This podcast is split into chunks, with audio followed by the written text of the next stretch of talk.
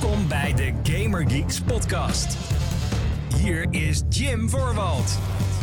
Hallo mede Gaming Geeks, wel leuk dat je luistert naar de Gaming Geeks podcast, de wekelijkse talkshow van GamingGeeks.nl, waarin ik en een mede je graag bijpraten over alles wat er gaande is in en rondom de gamingindustrie. Ik ben Jim, zoals je weet, en tegenover mij zit, het is geen leek, en hij heeft even een break genomen. Maar het is Johan Kreek, hij is er weer, dames en heren, ja. Oh wacht, verkeer... Godzang, doe ik de verkeerde knoppen. Jee, Johan is terug, jee. Hele intro meteen verneukt. En het was nog zo goed bedoeld ook. Ja, wat leuk, leuk om weer terug te zijn en, en, en Oh. meteen uitgelachen te worden. Eh, Nee, nee, nee, nee, nee. Hallo, le- fijn dat, fijn dat je er weer bent, Johan. Yes, Oh. good to be back. Ja, good to be back. Meteen verkeerde, verkeerde is alles. Eh, deze podcast, dames en heren, die eh, al aan zijn 132e aflevering toe is. Je zou denken, nou Jim, dat intro verknallen, dat kan niet meer. Jawel, ik vind elke week nieuwe manieren schijnt. Altijd leuk. Eh, deze podcast kan je natuurlijk vinden op je favoriete podcastdienst. Op onder andere Google Podcast, Apple Podcast en Spotify. Dus mocht je deze show op wat voor manier dan ook tegenkomen en je denkt... hey, dat wil ik op mijn telefoon, dan wil ik luisteren in de trein of in de auto of whatever. Doe dat. Check het via je favoriete podcastdienst. En abonneer. En eh, het alternatief is dat er een videoversie aanwezig is op youtube.com slash GamerGeeksNL. Het YouTube kanaal waar je tevens ook op moet abonneren voor alle videocontent omtrent GamerGeeks. Hallo. Hehe. Eh, ja, datum van opname is 25 mei 2020. Volgens mij zitten we in de week dat The Last of Us gereleased had moeten worden. Of eh, was dat vorige week? Gaan we, gaan, we het niet, gaan we het niet over hebben, toch? Over The Last of Us Part 2? Nee, over het feit dat we het nu niet aan het spelen zijn, bedoel ik. Nou, nog een paar Ja. weekjes, joh. Het eh, komt allemaal goed. Althans, uiteindelijk. Uiteindelijk komt alles goed. Uiteindelijk komt het goed inderdaad. Ik ben wel heel blij dat ze vrij snel met die datum over de, over de brug zijn gekomen hoor, overigens. Ja, voor degenen die het niet weten, The Last of Part 2 zou eerst eind mei uitkomen. Dat was dan waarschijnlijk deze week geweest. En eh, ja, die werd uitgesteld vanwege natuurlijk de wereldwijde pandemie en de crisis waar we allemaal in zitten. Ehm, want ja, eh, distributie was moeilijk en zo. De datum daarvoor nu is 19 juni. Dan komt die game eindelijk uit. Eh, nou ja, ik heb al verteld over hoe ik die game opnieuw heb gespeeld en hoe ongelooflijk indrukwekkend de eerste is. Ehm, en ik zag ook zojuist, echt vlak voordat wij begonnen met het opnemen van deze show, dat eh, er een State of Play aankomt. Dat is zo'n online presentatie van PlayStation. Waarin eh, ze de vorige keer Ghost of Tsushima hebben laten zien. Ook een Och. grote PlayStation game en dat was uh, magnifiek. Maar deze woensdag gaan ze kennelijk ook weer een deep dive doen in The Last of Us. Part 2 dan, uiteraard. weet niet of ik, of ik daarop zit te wachten eigenlijk. Want van, van Ghost hadden we eigenlijk nog heel weinig gezien. Eh, en van The Last of Us heb ik voor mijn gevoel wel gewoon genoeg gezien. Heb ik zoiets van, weet je, release die fucking game nou maar. Ik kan gewoon gaan spelen. Ja, zeker. Ik weet niet of ik ga kijken. Nou ja, ik, ik, ik, ik voel je. Ik voel je inderdaad. Ik heb ook die andere. Ze hebben wat meer gameplay-video's volgens mij voor de afgelopen paar weken gereleased. Maar daar voelde ik, of althans dat ze erover gaan praten en zo over die gameplay. Ik hoef dat allemaal niet. Ja. Want het risico is natuurlijk ook gewoon dat als ik in zo'n stream ga zitten of ik ga zo'n video bekijken en je gaat toch uit nieuwsgierigheid naar de comments scrollen, dat je dan gewoon die fucking spoilers ergens te zien krijgt. Ja. En hoe, hoe meer ik dat kan voorkomen, hoe beter. Hè, de- het, het, het, het is nu ook gewoon: blijf thuis, was je handen. Kijk geen video's. Vergeet de comments. Is een beetje. Met The Last of Us dan. Ja, nee, inderdaad. Nee. Eh, eh, maar nog los van die spoilers, ik heb gewoon zoiets van. Ik wil gewoon spelen. Ik ben er nu al klaar voor, weet je wel. Je hoeft me niet meer, je hoeft me niet meer lekker te maken en op te pijpen met die vette filmpjes. Ik wil gewoon spelen. Ja. Nu. ja niet nu. We moeten nog even wachten. Deze week had ik moeten spelen. Ja? De hele, ik heb een hele weekend vrijgeboekt. Maar ja, weekend is toch al vrij, want ja, hè, waar gaan we heen? Oh, jongens. De Efteling. De Efteling is open. Whoop die fucking do. Nou, godsamme. Daar zit een zeurkous. Ben je toch ook, man. Ongelooflijk. Ga lekker naar de Efteling, man. Ja. ja, wil ik eigenlijk wel doen. Ja, ja, nou ja, het kan gewoon. Het kan gewoon. Nou ja, ik zeg, eh, doe het. Ja. Het zullen, niet zulke lange rijen staan, denk ik. Nee, zeker niet. Nee. Nou, ik heb, het is wel zeg maar triest. Ik heb wel het idee dat de Efteling, en zo gaat dat natuurlijk met meerdere dingen nu in de crisis waar we zitten. Ik had dus eh, gelezen dat de Efteling.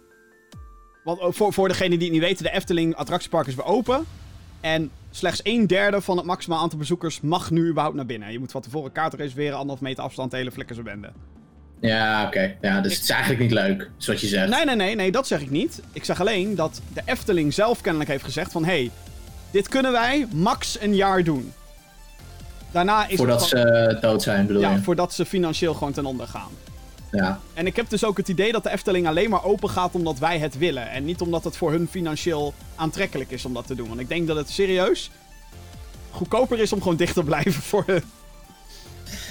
Ja, nou ja, dan, dan, daar zou ik echt de, de financiële stukken voor moeten zien. Maar eh, ja, weet je, de bioscopen hebben bijvoorbeeld ook gezegd van ja, het is leuk dat we open mogen, maar verdienen er eigenlijk niet genoeg aan om open te gaan op deze manier. Nee. Nou ja, Dus ik, het, is, ik- het is een beetje van, eh, ik ben blij, maar ja, toch ook weer niet. al is het alleen maar omdat er nu ook gewoon niks aan, aan te bieden valt. Ja, oude films. Maar Ja, en daarom heb ik met pijn in mijn hart mijn Pathé Limited abonnement opgezegd. Nee!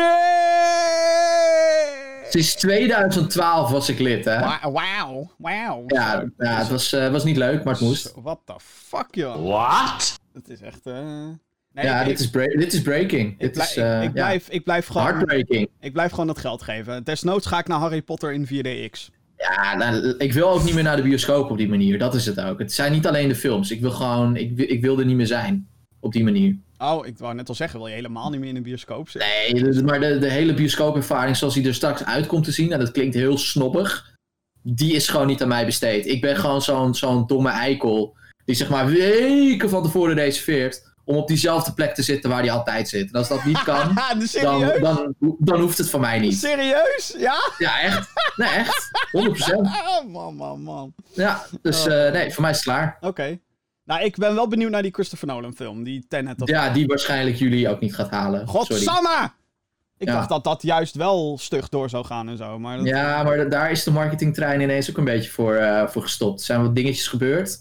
Data weggehaald. Toen werd toch weer gezegd van ja, misschien toch wel. Maar het schijnt dat eh, Warner, eh, de distributeur, eh, toch heeft gezegd van nou, misschien toch niet zo handig. Wat op zich logisch is. Christopher Nolan film, vet, vette box office. Ja. Niet heel handig als je maar 30 man per zaal naar binnen kan laten, bij wijze van. Of dat hele bioscopen er niet meer zijn of nog dicht zijn. Dus ja, ik denk dat, dat het heel moeilijk wordt om überhaupt een grote film te releasen in deze periode. Ja. Ba- Of je moet naar streaming services, maar dat levert natuurlijk helemaal niks op. Althans. Eh, nee, dan moet je hopen dat je heel veel abonnementjes gaat verkopen. Dat, eh, En dat zal ongetwijfeld wel gebeuren hoor. Ik kan me voorstellen dat, eh, dat er een piek is geweest in, in Hulu, Amazon en eh, Disney Plus abonnementen. En Netflix. De. Eh, maar ja, eh, dat, dat zeggen mensen dan waarschijnlijk daarna ook weer op. Wel, dat is die enorme run op die Ring Fit. Eh, die Ring Fit Adventure. Weet je, iedereen die ineens een Switch moet hebben. Als die, als die pandemie straks voorbij is, dan pleurt iedereen die Switch weer op marktplaats en dan is het klaar. Het is gewoon een opwelling. Nou, ik vraag me dus wel af, serieus. Eh, ik heb Ring Fit Adventure trouwens. Ik heb er nog niet genoeg op gespeeld, kan ik zeggen. Moet je Ehm, doen, is leuk. Ja, nee, ik vind, ik vind het, ik vind het zeg maar heel tof hoe die game fitness en gamen combineert. Maar ik vraag me dus af of hetzelfde gaat gebeuren. Ja, nou ja, ik vraag me dus af of hetzelfde gaat gebeuren met Animal Crossing. Want ik merk nu van mezelf. Ik Ja. heb nu eh, nou, eh, bijna twee maanden Animal Crossing in mijn bezit. En ik Mhm. heb eh, al meer dan 110 uur of zo heb ik erin zitten in totaal. En ik merk gewoon, en aan de ene kant kan je natuurlijk zeggen, de gym, 110 uur, hallo, tering, dat is veel, dat is veel tijd. Maar ik merk gewoon, ik ben er klaar mee. Het is gewoon, de schattigheid is er vanaf. Dat fruit verzamelen, I don't care. Ik heb niet eens turnips gekocht. Het zal allemaal wel. Ik vind gewoon... Nee, de- maar ik, ik denk dat je daar wel gelijk hebt. Ik bedoel, eh, Animal Crossing, eh, er, zul- er zal een hele trouwe fanbase zijn die dat product niet meer wegdoet. Die dat gewoon houdt en misschien wel nog een jaar blijft spelen. Maar er zullen ook mensen zijn geweest die soort van geïnfluenced zijn door iedereen die het erover had. En zoiets hadden van, oké, nou ja, weet je, ik zit toch thuis. Eh, ik ga het gewoon proberen. Ja. Eh, en ja, weet je, dat wordt dan, dat wordt dan straks weer eh, buiten gedaan. Ja, O- dat is op zich over- niet erg. Over influencers gesproken, dames en heren. Oh-oh. Ja. Ik vind even dat we het hierover moeten hebben. Ehm, Nou, abs- absoluut. De afgelopen paar weken is er nogal wat ophef geweest rondom een webwinkel. En eh, YouTubers die daarbij zijn. Of die daarbij Betrokken. betrokken zijn, inderdaad. Ja. Eh, dames en heren, u heeft wellicht al gehoord van Pre-Order Shop. En om even het context eh, te, te, de context compleet te maken. Pre-Order Shop is een webwinkel. Nou, daar zijn er best veel van natuurlijk. Die PlayStation 5 aanbiedt. Heel specifiek. Heel specifiek gericht op de PlayStation 5. Oeh. Eh, zij beweren Eh, wacht, ik haal de website er ook even bij. Maar zij beweren... Oh, is hij weer, weer live? Ja, nou, die, die website is inderdaad een paar keer offline geweest. En ze zeggen dat ze gedidost worden. Ik mag het hopen van wel. Ik uh, keur dat DDoS'en keur ik eigenlijk nooit goed, maar in dit geval wel. Je weet wellicht al een beetje waar dit naartoe gaat. Maar um, ja, nee, deze website beweert met echt gewoon een van de slechtste neppe shit die ik ooit heb gezien. Dat zij de revolutionaire PlayStation 5 gegarandeerd kunnen leveren. Bij jou als eerste in huis. Ze hebben zelfs een release datum. 20 november beweren zij dat dat ding uitkomt. Ze beweren dat je 50 euro extra PlayStation Network te goed krijgt als je bij hun pre-ordert. En hier is het ding. Je kan dus gewoon in die winkel, kan je in je winkelwagentje douwen een PlayStation 5. In verschillende bundels met één controller. Godverdomme verkeerd geschreven ook, hè? Ja, geen hoofdletter S uh, in PlayStation. Jongens, jongens, jongens. Uh, twee controllers, een bundel met FIFA en ook een aantal games staan erop. Te weten, FIFA 21, Ghost oh. of Tsushima, Assassin's Creed, Call of Duty, Gran Turismo, met een D, by the way, Grand Turismo, wat niet goed is. Oh. Uh, en GTA 6. Um, en dus jij je... hebt meteen die pre-order aangezet, toch? Natuurlijk. Nou ja, natuurlijk niet. Um, want als je denkt, hey, ik heb nog nergens anders een pre-order gezien van een PlayStation 5. Hoe kan dit? Nou, deze shop beweert dus dat zij gegarandeerd kunnen leveren. Ze hebben er prijzen bij staan. Zij prijzen de PlayStation 5 met een controller op 500 euro. Nou, nou is dat natuurlijk een hele goede gok, want iedereen voorspelt dat dat de prijs gaat worden. En het is ook mm -hmm. niet meer dan logisch dat dat hem gaat worden. Um, en ja, de games die erbij staan. Ja, no shit dat er een FIFA komt. Assassin's Creed Valhalla, by the way, wordt het. Uh, die komt ook naar PS5, maar om je even een beeld te schetsen, ze hebben een soort van fanmade prototype concept van hoe de console eruit kan zien, hebben ze erop gezet. Samen met uh, een van de twee promo-images van de DualSense controller. Dus die hebben ze nog wel officieel gepakt. Nee, nee, nee, nee, Jim. De joystick. Oh ja, zij noemen het de PS5 joystick in de webwinkel. Oh god. oh god.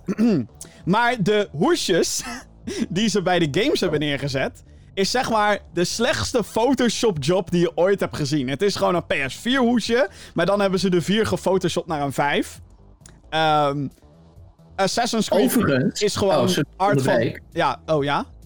Die Ghost of Tsushima, als je iets naar beneden gaat, die PS5 Volgens mij kunnen ze daar nog mee in de problemen komen. Dat is volgens mij een, uh, een DeviantArt ding geweest. Oh. Dus die heeft meerdere van deze hoesjes gemaakt. Om een soort van, uh, uh, ja, uh, een beetje look en feel te krijgen van hoe de PS5 hoesjes er mogelijk uit gaan zien. Ja. Uh, dus ik weet, volgens mij mogen ze dat beeld dan helemaal. Nou, ze komen sowieso in de problemen in principe. Want sowieso. ze hebben al die logo's natuurlijk gewoon verbasterd. Ja. Het is allemaal gewoon, het is allemaal nep. Dat is volgens mij gewoon Black Flag, maar dan moet dat de ja, nieuwe ja, ja, ja, ja. Het, is, het, is, het is de art van Black Flag die op de toestel staat. Oh, jongens. Terwijl we natuurlijk. Oké, okay, maar ga verder, want er is dus iets fundamenteel mis met deze website. Ah, okay. Los van even, de beelden. Nou ja, dit is een scam. Laten we hier even gewoon heel eerlijk over zijn. Uh, ook als je trouwens gaat kijken naar waar dit bedrijf gevestigd zit. Het is een eenmanszaak in, in Amsterdam. Die ergens in een of andere garage gevestigd zit. Er is no fucking way dat hun natuurlijk toegang hebben. En dat hun al. Stel dat ze, zeg maar, daadwerkelijk de informatie zouden hebben. Dan zouden zij natuurlijk. No way, José. Zouden zij die info online mogen zetten. Want nee, als Game Mania... PlayStation dat zelf doet. Exact. En zonder dat Game Mania en Bol.com, zeg maar, de gevestigde partijen... Gewoon heel duidelijk, dit is een fucking scam, oké? Okay? Preorder.shop is een scam. Trap er niet in, dames en heren. Lol, ze hebben God of War PS4 beelden gebruikt op een website voor PS5. Goed zo, jongens. Anyway, um, ja, what the fuck. Um, oh mijn god. Maar gewoon even heel duidelijk, dit is een scam. Dit is een scam website. Als je er een beetje met een brein naar kijkt, dan weet je... Deze mensen lullen waarschijnlijk bullshit. Als ik 500 euro aan ze geef, ben ik die 500 euro kwijt. Er is no fucking way dat ik daarvoor een PS5 ga krijgen. Uh, en al helemaal. Okay, maar niet... wat het grote probleem is natuurlijk, is het, de manier waarop die gepromoot wordt, toch? Want ik bedoel, ja. het online zetten van de website aan zich is natuurlijk gewoon, nou ja, laten we maar gewoon zeggen, oplichterij. Ja.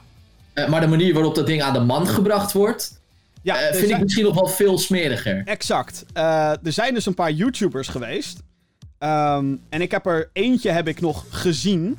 Dat die promotie, zoals deze persoon het noemt, online stond. Ja. Um, van heel veel mensen hoor ik dat Milan Knol deze website heeft zitten promoten in een paar van zijn video's. Mhm. Ehm, dat heb ik niet meer terug kunnen vinden, want het zit natuurlijk allemaal in die. In, nou ja. Het zit als, als een soort van. Pumpertje. eh, ja, reclamespotje. Ja. hey jongens, ik wil jullie wat vertellen over. Zo zit het erin. Ehm, Ja. En eh, in, in, in een playlist van video's waar ik echt nul interesse in heb om daar doorheen te skippen. En dat is geen attack naar hun. Dat is, het is gewoon niet waar ik graag naar niet, kijk. niet jouw content. nee. Exact. Ehm, en Koen Weiland. En Koen Weiland kunnen we kennen als eh, volgens mij de eerste e-sporter die ooit getekend heeft bij Ajax. Is sindsdien daar weggegaan. Het doet nu YouTube-kanaal en eh, van alles en nog wat. Wat zij Maar daar- speelt nog steeds wel professioneel FIFA, toch? Ja, ja, volgens mij wel, ja. Maar niet onder de E-divisie, zoals dat heet. Volgens mij niet Nee, precies. Maar goed, ehm, die hebben dus eh, in een paar video's hebben zij een promotiespotje gemaakt met eh, de beelden die ook op pre-order shop te vinden zijn. Met eigenlijk het riedeltje wat we net al zeiden. Ze beweren gegarandeerd in huis. Ik krijg er ook eentje, of ik heb er ook eentje besteld, tussen aanhalingstekens, whatever. Ehm, en eh, ja, als je dus een PlayStation 5 wilt, gegarandeerd, ga dan naar preorder.shop. En Ja, wat mijn probleem hiermee is, is dat ook al ziet een website er nog zo scummy uit, dat het feit dat twee van die helden voor heel veel mensen ja, ja. ja. dit gaan lopen promoten, dat geeft natuurlijk een soort van krediet aan deze bullshit, die er dus voor zorgt dat mensen hiervan de dupe worden ja. het is natuurlijk aan de ene kant een beetje voorbarig dat ik dit zeg. Want hey, het is nog geen november of december of whatever. De PlayStation 5 is er nog niet. Wie Ze weet. hebben nog niemand opgelicht, wil je eigenlijk zeggen, toch? Ja, ja, je kan nog niet zeggen dat ze iemand hebben opgelicht, want je Nee. pre-ordert. Alhoewel we natuurlijk met z'n allen 100% gewoon weten... dit is dikke bullshit wat op je fucking website staat. En ze is- claimen toch ook dat, ze, dat het allemaal officieel met PlayStation is. Dat hoorde ik die Koen Weiland zeggen in zijn, eh Ja, in zijn dus- introotje. Dat het officieel met PlayStation. Dat ik denk, als het officieel met PlayStation was, dan zouden ze dat nooit doen met preorder.shop. Dan zouden ze dat doen met hun eigen pre-order shop. Gewoon, hè? Exact. Een Dus, PlayStation shop. dus wat er Eh, gebeurd of, is... of met een, een, een, een, een bol of een, of een Game Mania. Gewoon een gevestigde orde. Ja, dus wat er gebeurd is, is dat die YouTubers worden natuurlijk aangesproken door heel veel mensen die zeggen: Deze site ziet er like fucking scammy uit, wat de fuck is dit? Eh, ga inderdaad een beetje graven, KVK-nummertje invoeren op Google en je komt al een heel eind. Die informatie staat gewoon openbaar. Het was kennelijk ooit een bedrijf wat handelde in auto-onderdelen. Oké, van auto's naar videogame consoles die gloednieuw zijn en nog niemand wat van af Oh, weet. dus daar worden ze van gebouwd. Ja. Oké. Eh, Cool. 50 horsepower, PlayStation 5.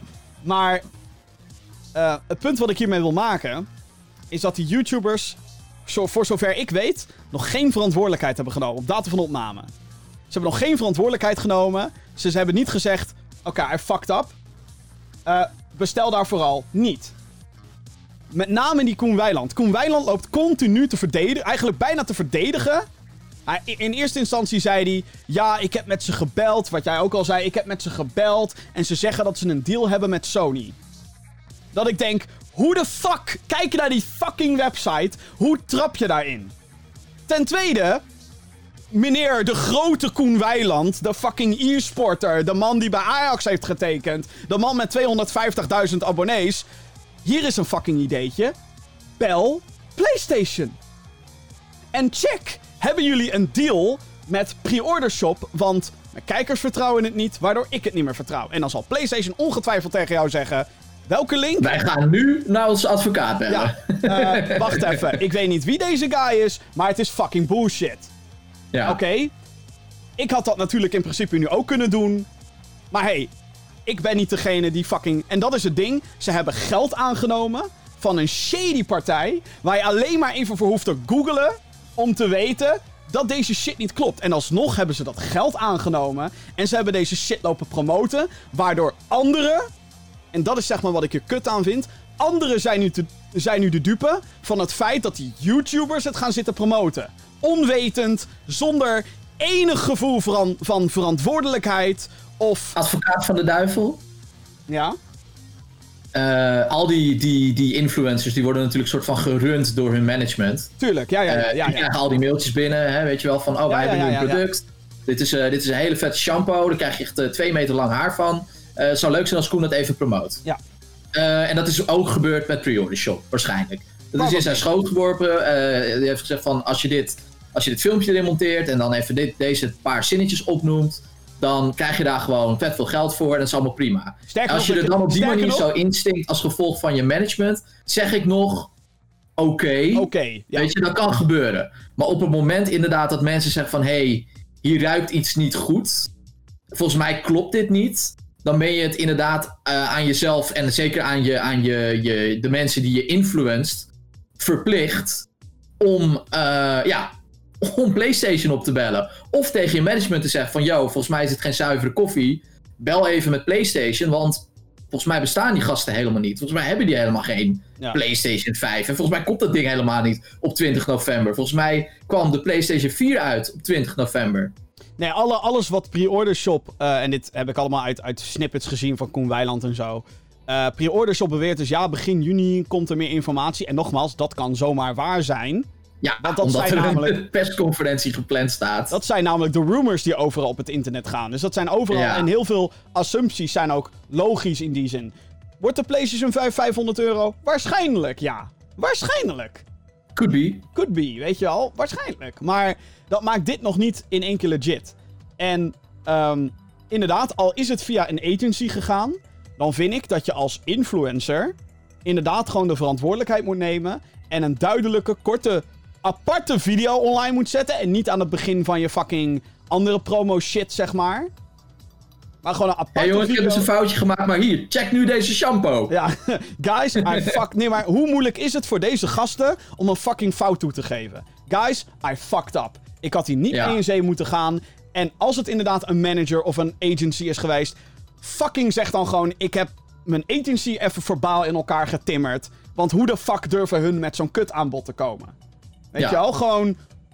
Hoe, kan je als YouTuber niet die verantwoordelijkheid nemen? De laatste update die ik eh, hierover heb gehad, by the way... Eh, er is een, een Belgische YouTuber, of een Vlaamse YouTuber, Acid2. En die had al een hele kritische video gemaakt waarin wij eigenlijk, eh, nou, wat, wat we net bespra- eh, besproken hadden. Ja.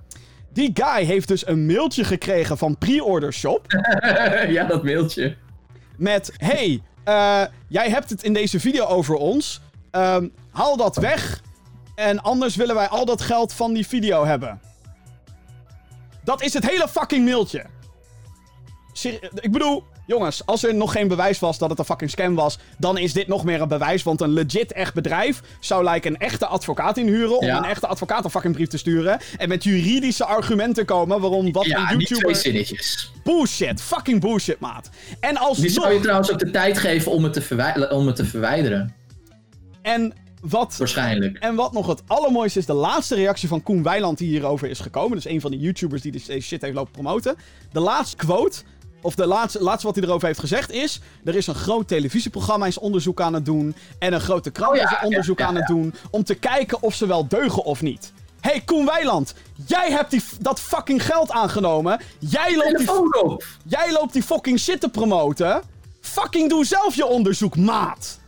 Wat de fuck is er mis met je? Waarom Ja, het is wel heel makkelijk om soort van je handen dan, hè, zo even heel makkelijk zo in onschuld. We laten te een wachten. televisieprogramma laten we het onderzoek doen. Jongen, fuck off. Fuck off. Wij, wij moeten wachten op de radaraflevering om achter te komen dat het een oplichtingzaak Je is. ziet toch zo dat het oplichterij is. Je ziet toch... Hoe moeilijk is het nou om een fout te, te erkennen? Want Koen Weiland is straks natuurlijk de Sjaak. Die zit nu op zijn fucking nagels te bijten. Oh shit, straks krijgen die mensen echt een fucking Playstation niet. En dan komen ze natuurlijk allemaal naar mij toe. Fuck, fuck, Ja. fuck, fuck, fuck. Inderdaad, Koen. Dat is wat je fucking krijgt als je niet eens de fucking moeite neemt om iets te googlen voordat je geld aanneemt van een partij.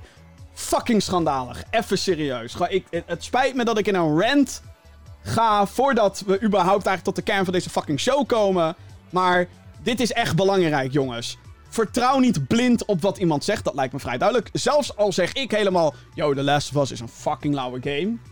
Oké, dat is misschien een van de weinige dingen Ja, maar dat zei je ook over Doom Eternal, dus dat is eh, Hey, moeilijk. Hey, hey. Maar ik kan gewoon niet geloven dat, dat, dat zij dit doen. Dat zij hun geloofwaardigheid voor een beetje geld op deze manier nee, verspillen. En nee, maar dat is het ook. Want al die gasten kunnen allemaal andere deals krijgen. Met misschien wel echt PlayStation. En Om gewoon inderdaad op een legit manier gewoon geld te verdienen. Sterker nog, Milan Knol zat volgens mij deze week gewoon in een gesponsorde PlayStation video. Dus, Oh, dat, eh, dat eh, tournament eh, ding. dus what the fuck, bro? Gewoon. Het, en het enige wat je hoeft te doen. Trouwens, ik weet niet. ik heb natuurlijk even op de Twitter-tijdlijnen van beide heren gekeken: Milan Knol en Koen Weiland. Eh, Ja. Voor Milan Knol moest ik uitloggen, want ik was geblokt door Milan Knol. Eh, wat sowieso natuurlijk het stomste is wat je moet doen, dames en heren. Je moet niet mensen blokken op Twitter, je moet mensen muten op Twitter. Hier is een tip. Eh, anyway, waarom is je geblokt dan? geen idee. Ik, misschien is het allemaal voor dit gebeuren gebeurd. Ik vond het alleen gewoon heel ironisch dat ik zoiets had van... Hé, hey, ik heb best wel veel getweet over pre-order shop, Ah, a.k.a. scammers. En opeens ben ik geblokt. Ik weet, nogmaals, ik weet niet of dat echt zo is. Hè. Ik weet, misschien is het Nee, al lang van tevoren geweest toen ik, weet ik veel...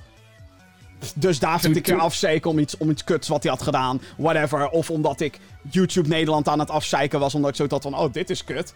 Om vervolgens zelf kutte dingen te doen. Weet je, ik ben ook niet perfect. Maar ik vond dat gewoon heel toevallig. Maar voor zover ik weet, hebben geen van beiden nog gewoon heel duidelijk en heel gewoon direct naar hun kijkersbase gezegd: Sorry, I fucked up.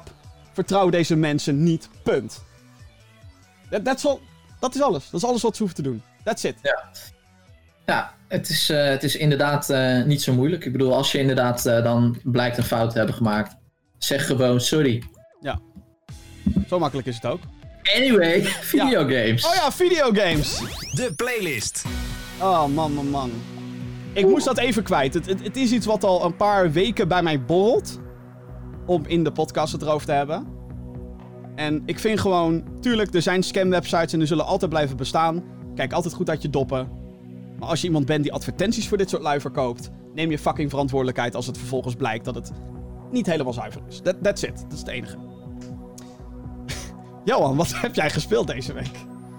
Eh, ja, twee dingen eigenlijk. Eh, ik ben nog steeds met Nio eh 2 bezig. Eh, ja, de, de, Souls-like eh, eh, game die uitkwam in, eh, wat is het, februari, maart? Eh, Ehm, maart ja. was dit. Ja, die game is gewoon fucking moeilijk, snap je? Dus daar ben je, daar ben je wel even mee bezig. En ja, zo'n leveltje, dat moet je soms ook gewoon een, een keer of twaalf doen voordat je daar een keertje goed en wel doorheen bent. Is wel leuk. Ik weet nog dat ik Nio 1 destijds eh, op multiplayer gebied behoorlijk heb afgefikt. Eh, ook eh, ook in onze video. Ehm, en achteraf bleek dat, dat je wel multiplayer kan spelen, maar dat het allemaal net wat ingewikkelder is dan gewoon zeggen van hey, hier is een lobby, join. Je moet een soort van item hebben. Met het item kun je dan je vriendjes oproepen. En dan kunnen ze in jouw spel komen. Maar de regel die zeg maar in deel 1 was van... eh, dat je niet eh, een level kan betreden dat je zelf nog niet hebt uitgespeeld. eh, die is nog steeds wel van toepassing. Dus er moet eerst iemand zelf doorheen zijn gegaan... voordat je zeg maar dat level kan doen. Oh. En dat vind ik, dat vind ik nog steeds, zeg maar, dat vond ik bij deel 1, vond ik dat een enorme manco. Van, ja, weet je, je wil dat gewoon, juist omdat dit zo'n tering moeilijk spel is, wil, je dat, wil je dat met iemand doen die, eh, die, die, dat, die dat ook, die ook van het masochisme houdt. Ehm, of met twee mensen, want je kan dus hè, met maximaal twee mensen kun je, kun je dat gaan doen. Zeg maar leedvermaak.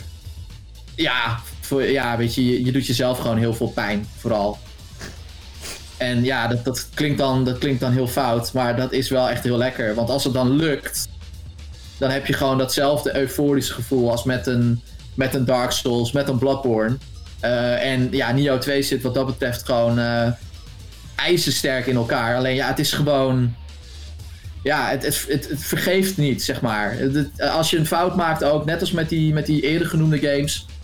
Het ligt aan jou. Jij hebt het fout gedaan. Want die game die, die zit gewoon zo Hoor je goed in dat, Koen. Weiland? Jij hebt het fout, sorry. Je doet het zelf. Daar Je komt het op neer. Als er iets fout gaat, hele kleine kans dat dat echt aan het spel ligt. Dan dan heb je zelf gewoon iets niet goed gedaan. Nee, ja. Ehm, ja, maar goed. Dus daar ben ik, eh, ben ik mee aan de slag gegaan. En voor een stukje ontspanning eh, had je eh, de afgelopen twee weken, of misschien wel drie weken, had je in de PlayStation Store had je de, de deals verborgen pareltjes. Hebben wij het inderdaad nog over gehad in de show, ja. En Iemand, iemand kwam toen met een mailtje. Hey, in een verborgen parel staan Life is Strange, Little Nightmares en nog een paar. Wat zijn jouw Ja. tips? En toen zei ik, Life is Strange, Little Nightmares. Dan weet je dat, zeg maar. Nou ja, die eh, eh, nou ja, Life is Strange had ik ook kunnen gaan doen, maar eh, ik had niet zin in iets heel zwaars. Eh, dus Last Day of June stond er bijvoorbeeld ook bij, maar dat is ook een beetje een emotioneel spelletje. Eh, dus ik had een shortlist van eh, Hong Kong Massacre. Oh, die lijkt me Eh, eigenlijk gewoon Hotline Miami, maar dan in een Hongkong setting. Super vet. top-down, ehm, zeg maar, twin-stick shooter. Ja, inderdaad. Ehm, maar echt gewoon Hotline Miami, wat dat betreft. Ehm, of American Fugitive, wat eigenlijk een soort van eh, open world sandbox game is. à la GTA 1 en 2. Oh, dus Eh, alleen waarbij het, eh, GTA 1 en 2 echt top-down waren. Ja. Ehm, eh, ja, zit je hier een beetje schuin naar de, naar de wereld te kijken. Is dit het isometrisch perspectief, zoals ze dat dan noemen? Ja, inderdaad. Alleen je hangt niet boven de auto. Dus waar, waar ik zeg maar. en dat ligt ook een beetje aan mezelf. Ik ben een beetje motorisch gestoord als het op dat soort dingen aankomt. Eh, ik wijk nog wel eens van de weg af, omdat ik dan denk van, oh ja, eh, ik moet zo sturen. Maar anyway, het idee is dus, eh, het is gewoon een open world game. Jij bent, wel, een American fugitive. Jij schijnt je vader te hebben vermoord. Dat heb je niet, maar Oh. dat, vindt, dat vindt de politie wel, die jou daar aantreft, terwijl je pa daar dood ligt. Dus ja, go figure. En je hebt al een flink strafblad. Dus het is heel makkelijk om, om jou te verdenken. En jij moet jouw naam gaan zuiveren. En eh, nou ja, je, kunt, eh, je kunt inbreken in huisjes om zeg maar eh, ja, juwelen en dat soort dingen te, te stelen. Om die dan vervolgens te verkopen, om daar dan weer upgrades en dingen van te kopen. Je hebt gewoon een hele, een hele sloot aan wapens waar je mee aan de haal kunt. Je hebt allerlei missies, zijmissies. Je hebt van die insane jumps. Je kan met een tank kun je huishouden. Dus het is allemaal heel erg... ja, het is allemaal in een beetje een soort van cartoony stijltje. En eh, ja, het speelt wel lekker weg of zo. En ik had gewoon zin in iets, in iets simpels. En ik eh, zag op How Long To Beat dat je in 24 uur klaar kunt zijn.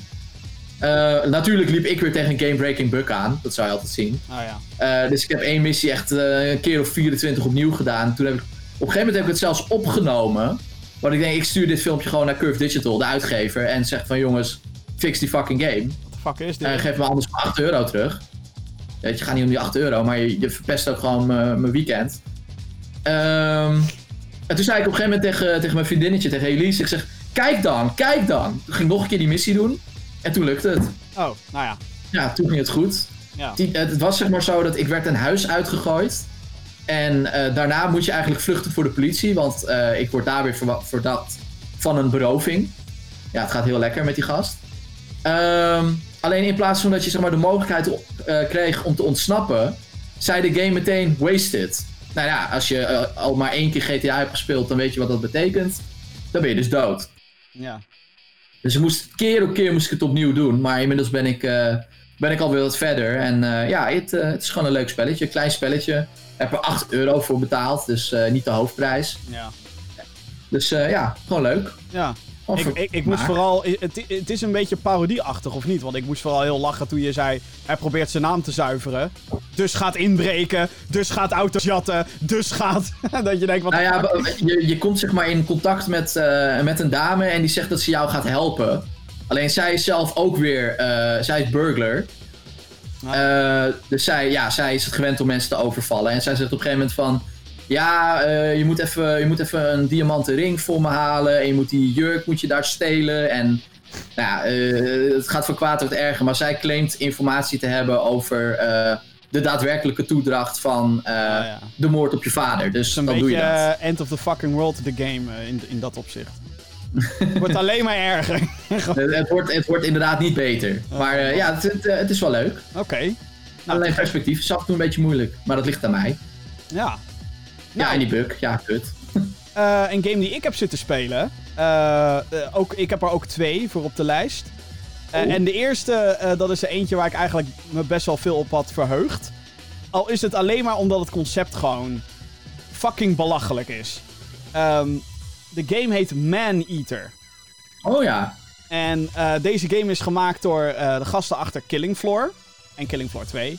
Uitgegeven door Deep Silver, Koch Media. Is maar net hoe je het eh, noemen wilt. Eigenlijk allemaal één pot nat.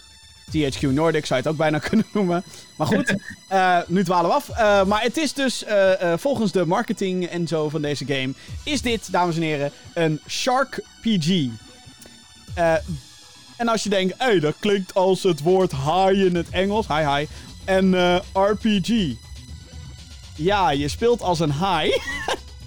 in een, in een ja, open world eh, met RPG-elementen. Dus je kan levelen en je hebt enemies die levels hebben. En je hebt bepaalde skills of in dit geval organen en, en lichaamsonderdelen die je kan upgraden. Mhm. Eh, eh, ik ben nog niet heel ver, moet ik zeggen. Ik heb een uurtje of 2,5, 3 gespeeld. En het is zo fucking belachelijk. En dit is de ultieme Jaws game. Ze kunnen nooit meer een Jaws game maken. Of ze moeten Tripwire vragen en dan gewoon dit nog een keer maken, basically. Eh, het is echt heel vet gedaan. Eh, je begint... ja, het is, het is leuk dus. Ja, het is echt heel leuk. Eh, je, Ja, oké. je begint, het, het hele, de presentatie alleen al is heel leuk gedaan. Het wordt namelijk gepresenteerd alsof je naar een soort History Channel programma kijkt. Dus je krijgt continu krijg je commentaar van... deze haai is heel erg goed in het opsporen van zijn prooi. Ik verzin er maar wat. Maar daardoor krijg je dat hele cheesy sfeertje, zeg maar. Eh, Ja, ja. Soms zegt hij ook van... I hope the shark doesn't die, or else there won't be a season 2.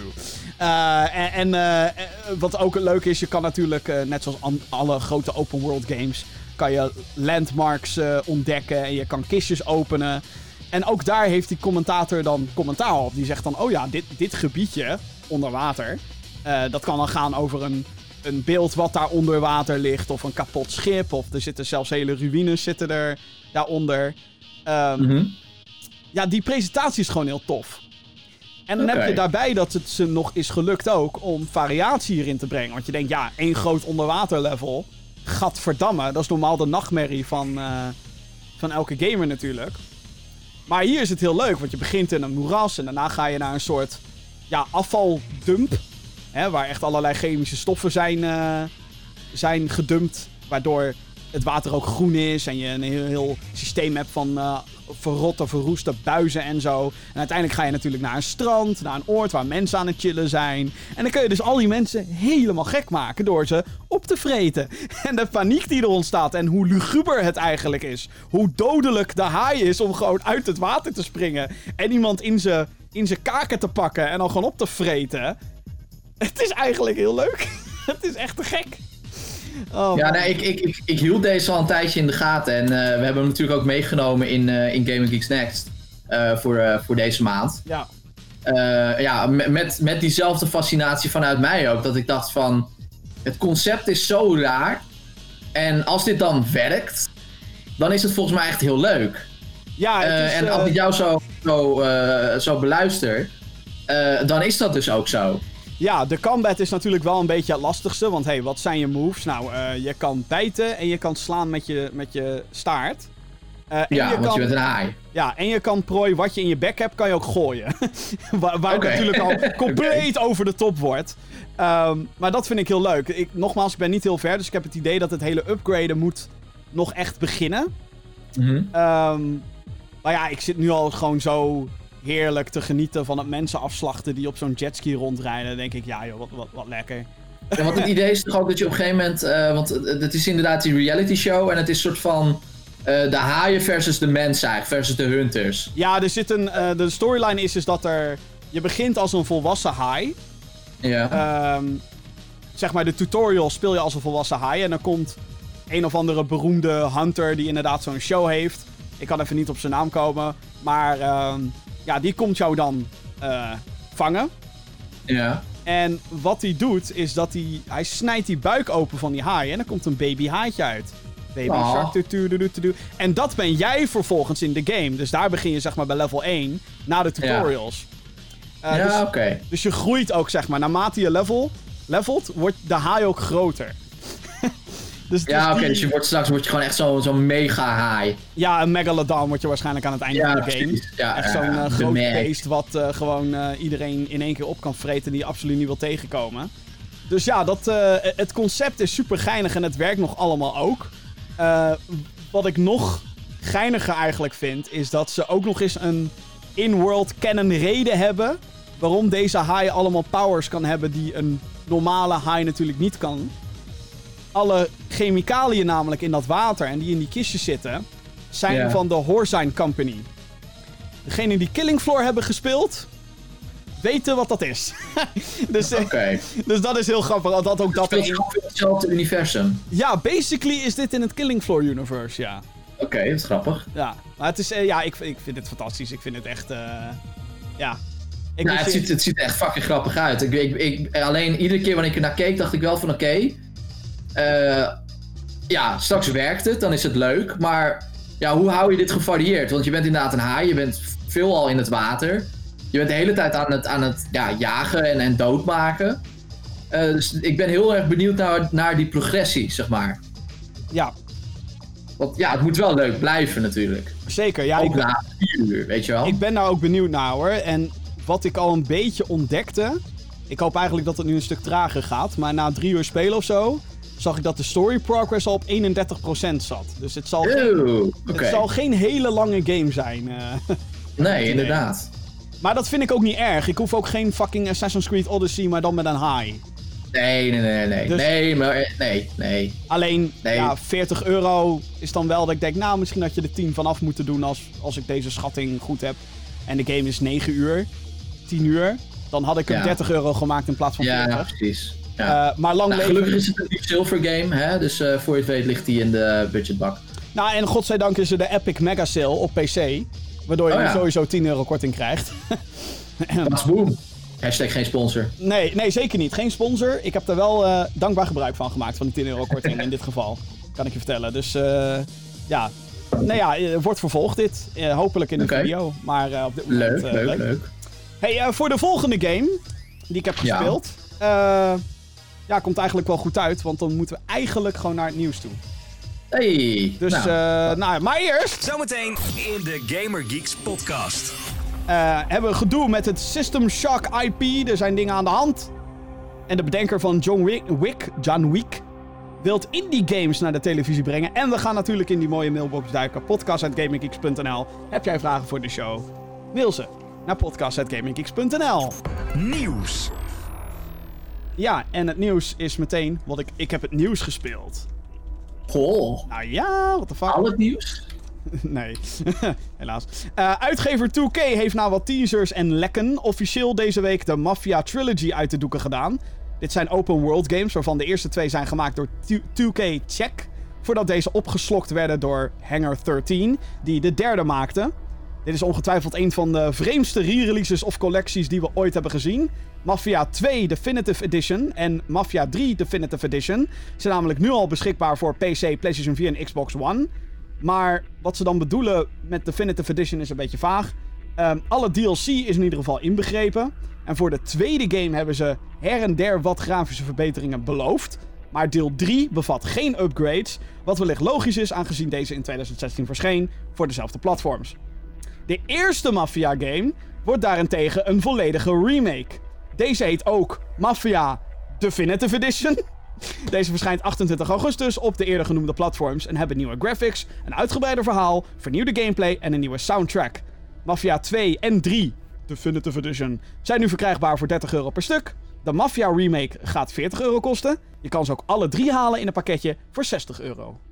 Dus als je een deal wilt, Ja, dit is geen scam. Dit is geen pre-order shop. Je kan het pre-orderen. Niet bij pre-order shop, godzijdank. Maar gewoon bij 2 ja, en dan moet je natuurlijk ook nog erbij vermelden dat als je Mafia 2 of 3 al op, je, op Steam bijvoorbeeld hebt, Ja. dat je automatisch de upgrade krijgt naar de Definitive Edition. toch? Zeker. Ja, dat is 100% waar. En andersom trouwens ook, behalve met Mafia 1. Ik heb nu ook Mafia 2 Classic op Classic, dus aanhalingstekens op mijn of op, mijn- op Steam. Eh, en, die, Oké. en die had ik nog niet. Ik Maar- weet niet eens of ik die, of ik, of die game heb. Ik weet dat ik hem toen voor de PS3 had. En toen heeft hij mijn PS3 gesloopt.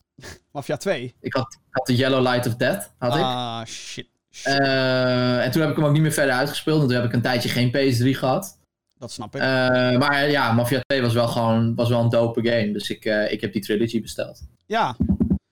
Ik heb hem ook gewoon op Steam heb ik hem gehaald. Eh, want ik had Mafia 3 al, dus dan gaat er een beetje van die prijs af, weet je wel. Ja, die is ook precies, trouwens precies. gratis geüpgrade ook naar de Definitive Edition. Dus ik heb nu alle DLC voor nop. Eh, Wat dan, ik weet niet of dat dan goed nieuws is of dat je je genaaid moet voelen als je ooit die DLC hebt betaald. Maar goed, dat blijft altijd Ja, houden natuurlijk. ja, ja dat is eh, kip en het ei, hè. Ja, dat is waar. Daar heb je gelijk in. Maar ja, ik heb eh, dus een beetje ook met Mafia 2 eh, ja, zitten klooien. En ehm, ja, het is wel een game uit 2010. Laat ik het zo zeggen. Het is geen... ehm, Ik bedoel, ja, weet je, het is... En, en dit is gewoon wat ik zo kut vind aan dat hele remaster, remake, bla bla bla. Het is ook zo verwarrend dat ze fucking Mafia 1, wat een remake is, dan Definitive Edition noemen. Naast 2 en 3, wat duidelijk geen fucking remakes zijn. Sterker nog, ik vraag me oprecht af wat ze nou hebben verbeterd aan Mafia 2. Ik heb wel gemerkt dat sommige textures wat higher res zijn en zo. Met name op consoles Mhm. merk je dat. Eh, maar ik heb hem op de PC gespeeld. Dus voor mij valt zeg maar dat soort voordelen vallen vaak al weg. Omdat, ja, weet je, je speelt meestal, als je een goede PC hebt, speel je meestal al op high textures en hoge resoluties en hogere framerates en dat soort dingen. Ja. Ehm, maar ja, het is best wel. Ik vind Mafia 2 tot nu toe leuk. Ik ben nu door, heb ik het idee, pas de hele lange intro ben ik heen. Eh, dus ik ben nu in de jaren 50 in Mafia 2. Alleen de game begint tijdens de Tweede Wereldoorlog. Je, Mhm. je speelt als eh, Vince Scaletta. He is an Italian from Empire Bay. Lees New York. Eh, fictief New York. En eh, ja, je, je, zit, je komt in een crime-familie terecht. Hè. Eigenlijk het hele klassieke Godfather-achtige, maar dan over de top. En eh, met, Ja. met excentrieke types en dat soort dingen. Dus eh, je kan auto's... Het is wat dat betreft ook gewoon een GTA-kloon natuurlijk. Je kan auto's jatten, je kan mensen doodschieten. Doe je dat, dan word je gezocht door de politie. En je moet gewoon een beetje missies gaan zitten uitvoeren. Ehm, Ja. ja, wat ik heel tof vind van Mafia 2 tot nu toe, is de sfeer die het neerzet. Want die hele Ja. jaren 40 setting, en dan nu jaren 50, maar daar ben ik nog niet echt ingedoken. Maar dat is wel echt tof gedaan, zeg maar. Ook met die oude radiozenders en dat je die super oude muziek hoort, die op een sarcastische manier in Fallout zit bijvoorbeeld. Maar dan Ja. zit het hier gewoon, ja, want dat werd toen gewoon gedraaid, weet je wel. En ook allemaal van die reclamespotjes. Don't be like Hitler, bla bla bla. Want hé, hey, dat was Tweede Wereldoorlog, jongens. Allemaal propaganda overal. Eh, allemaal, je moet anti-Hitler zijn en anti-Duitser, et cetera, et cetera. Ehm, wat heel erg bij dat tijdperk natuurlijk hoort. Dus wat dat betreft, ja. en die game was gewoon als steen goed natuurlijk toen hij, toen hij in 2010 uitkwam. ja. dus wat dat betreft heb ik zoiets van, nou... ga- Ik heb hem trouwens nog nooit eerder gespeeld, by the way. Dus dat, Oh, oké. ja, Voor nou ja, mij- dan, dan is dit wel leuk. ja, voor mij is het nieuw, dit. Ehm, Alleen het is wel een luie remaster. Nou ja, dat is dus een beetje het ding. Ik ben al zoveel bugs tegengekomen. de, de pop-in is echt heel erg slecht. Dat je gewoon gras voor je neus ziet oppoppen. Eh, duiven die van een dak afvliegen, verdwijnen na twee meter als een soort Thano- Thanos-snap. Verdwijnen die in kleine deeltjes en weg. Ze zijn weg. Ehm, rook wat glitcht, zeg maar, wat uit die... psh, weet je, uit dat... Oh ja, ja dat flikkeren, dat heb Ja, ik ook gezien, ja. Dat, dat flikkert, plantjes flikkeren rond. Eh, ik heb al NPC's gezien die half in de grond zitten in een T-pose. Dat je denkt, hé, hey, daar gaat iets niet goed, jongens.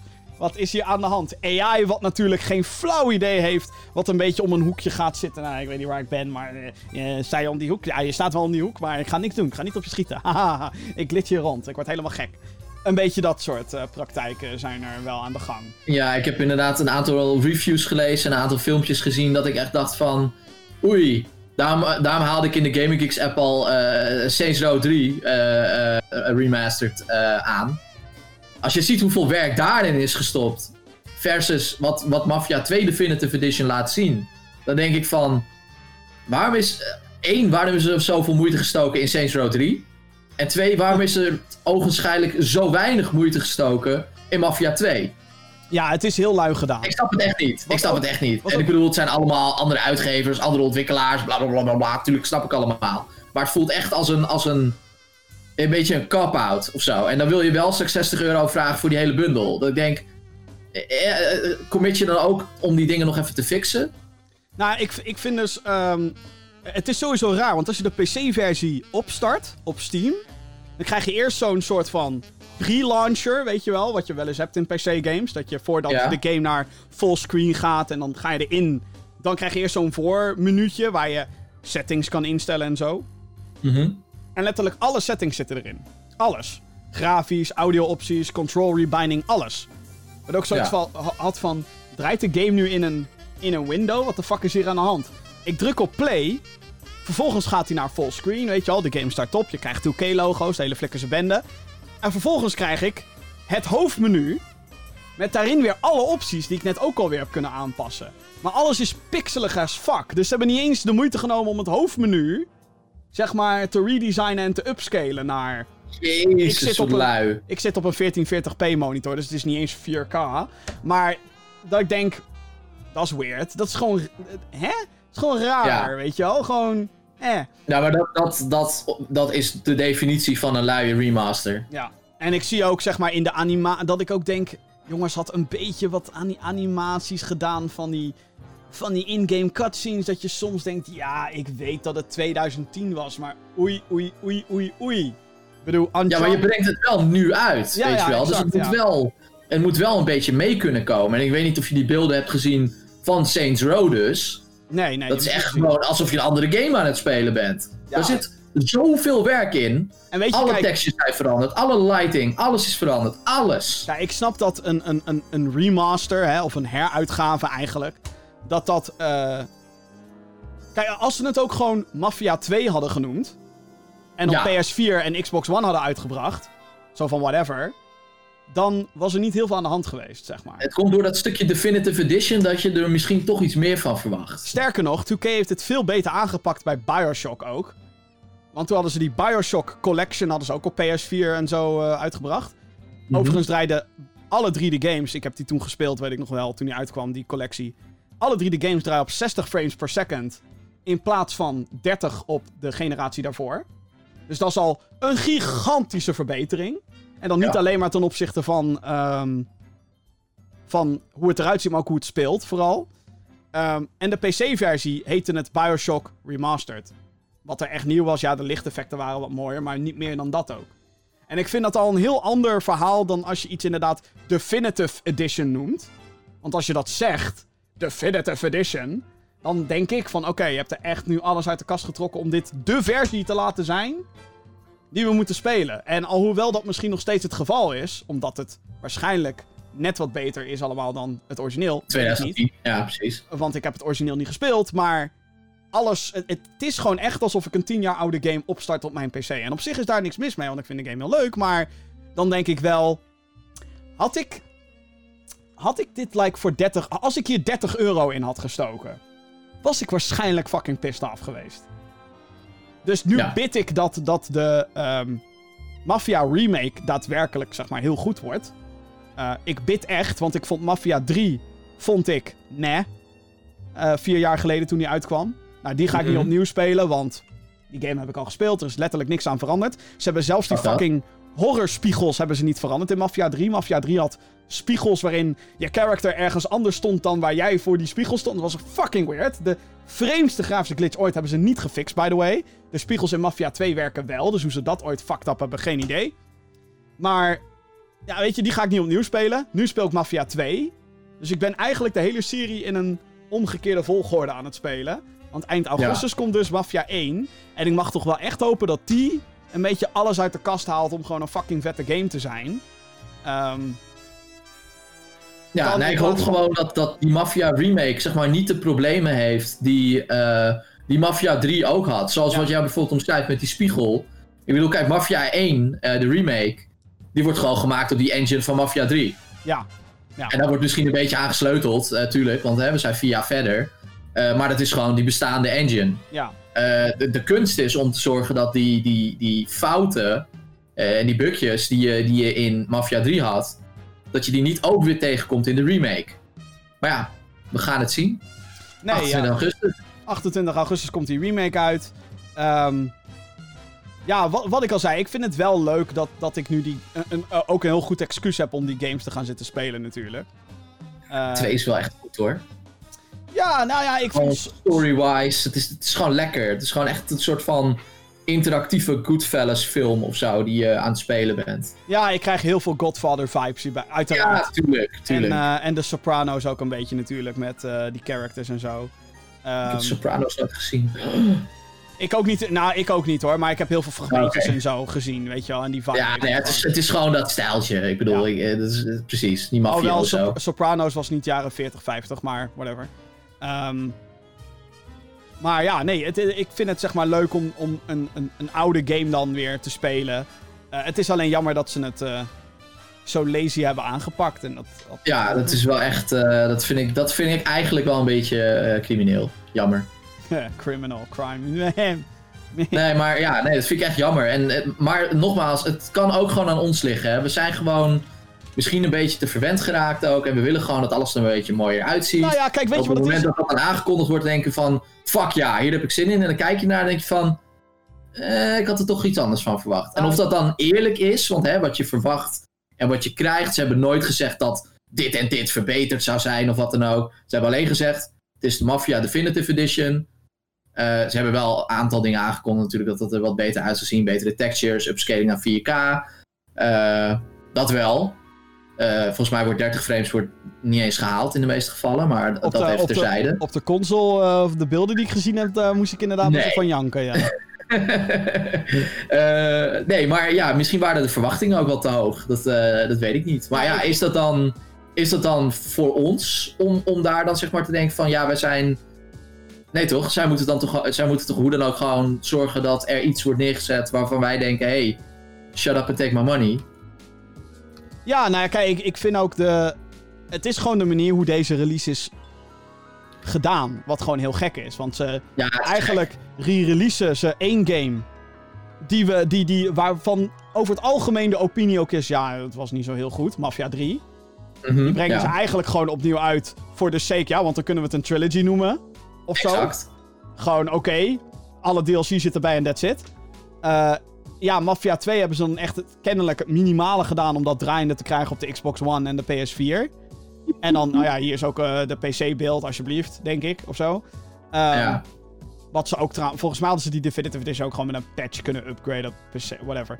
Ehm, ik, ik, ik, weet, ik ben er niet zo technisch in gedoken dat ik die claims daadwerkelijk kan maken, maar... Nee, nee, ik ga straks de Digital Foundry video kijken, dus dan, eh, dan zullen we het wel zien. Maar het voelt gewoon aan als een 2010 game die je nu op een 2020 PC draait. Ja, Ehm, zeker met die pixelige, nou ja, wat ik net omschreef.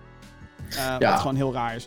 En dan heb je daarna ook nog een remake, maar die heet ook Definitive Edition. En je gaat dat allemaal bundelen, maar ook weer niet. En het is natuurlijk gewoon heel raar dat we nu te maken hebben met... hey, Mafia 2 en 3 Definitive Edition zijn nu beschikbaar. Maar 1, nee, die nog niet. Hè?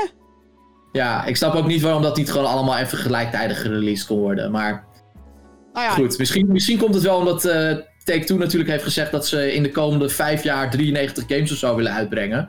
En eh, hebben ze zoiets van als we dit niet nu doen, dan komen we niet aan dat aantal. Dan gaan we daar overheen. En dat kan niet. Dus ja, ik weet het niet. Ja, misschien is, het, misschien is het echt bedoeld van... hey, we hebben een Mafia remake. Dat is fucking loud. Daar, hebben ze, denk ik, daar willen ze volgens mij alles op inzetten, zeg maar. Mhm. Eh, en om ze warm te houden hebben we Mafia 2 en 3 in de nieuwe uitgave. Maar ja, in de logica zoals dat gepromoot en gepresenteerd Ze hebben zelfs een hele aparte FAQ-pagina, hè, voor, voor het geval als je er helemaal geen kloten meer van snapt. Nou, het feit dat wij er nu over discussiëren, over iets wat eigenlijk best straightforward zou moeten zijn... Ja, nee, daarom had, was ik blij dat ze die pagina hadden gelanceerd. Ik snap er op een gegeven moment echt geen fuck meer van. nee, echt niet. Maar ja, nee, ja we, we, we gaan het zien. Eh, Kijk, het is natuurlijk, uiteindelijk is het gewoon de aanloop naar Mafia 4. Uiteindelijk. Nou ja, maar, Uiteindelijk dat, is het gewoon de aanloop naar Mafia 4. maar dat baart mij dus weer zorgen, want dan denk ik... Maar dat betekent dus niet dat alle resources in deze Mafia remake zitten. Ja, en dat, dat betekent dus ook dat heel veel van die resources inderdaad. Nou ja, dat is misschien wel de, in de kern het probleem. De resources. Want er zijn volgens mij inmiddels vier studio's eh, die, die zichzelf Hangar 13 mogen noemen. Eh, ik weet niet hoeveel van de vier bezig zijn geweest volledig met die remake. Eh, ik denk dat maar 20 man zijn bezig geweest met de Definitive Edition van Mafia 2. Sterker nog, dat heeft een andere studio heeft dat gedaan. Die, Ja, maar wel, wel een Hangar 13. Oh nee, het is een andere. DT3 of zo, ja, toch? D3T Entertainment, ietsje niet. Ja, ja, klopt inderdaad. Ja, nee, dus het is, eh, ik ben heel erg benieuwd hoe, hoe dat is gegaan inderdaad, re- eh, resource-wise. Maar ja, eh, ja, Nou ja, kijk, dan, gaan dan krijg je waarschijnlijk een soort structuur zoals DICE. Waarin één studio van DICE, de makers van voornamelijk bekend om Battlefield. één team doet Star Wars Battlefront, weet je al. Een ander team doet, eh, eh, Battlefield 5 support. En de andere is bezig aan de nieuwe Battlefield. En nu zijn ze allemaal Ja. soort van samengevoegd weer. Volgens mij is nu alle hands aan dek aan de, nieuwe, aan de nieuwe Battlefield. En ondertussen ontwikkelen ze natuurlijk ook de nieuwe engine. De Frostbite engine, die blijven ze doorontwikkelen. Dus ook, dat, dat is ook weer een apart team. Hetzelfde Ja. heb je met eh, Respawn. Allemaal EA wat ik nu opnoem. Maar één team in Respawn doet Star Wars Jedi Fallen Order. Een ander team doet Apex Legends. En weer een ander team doet eh, die Medal of Honor VR-game. En weer een ander is bezig met Project Onbekend. Ja, nee, Dus het ja, wordt er precies. inderdaad niet, het wordt er niet makkelijker op allemaal. Nee, het wordt, het wordt er niet overzichtelijker op ook. Maar ja. Goed, eh, je zou het bijna niet verwachten, maar er is meer nieuws. Oh, ja. Nou ja, hoe kom je daar nou weer bij? Nou, dit is ook een raar verhaal. We hebben alleen maar rare verhalen deze week. Eh, afgelopen week kwam er een opvallend bericht van ontwikkelstudio Other Side Entertainment. Al een aantal jaar werken zij aan System Shock 3. Dit is een first-person RPG-serie waarvan de eerste twee delen werden gemaakt door het team van Ken Levine, ook wel bekend als de bedenker van Bioshock en de Thief-serie. Other Side Entertainment heeft op hun website een kort bericht geplaatst waarin wordt gemeld dat de franchise doorgezet gaat worden naar het Chinese Tencent. Een bedrijf die in allerlei hoeken in de industrie dikke aandelen en investeringen heeft gedaan, dus eh, ze hebben overal wel een vingertje in de pap.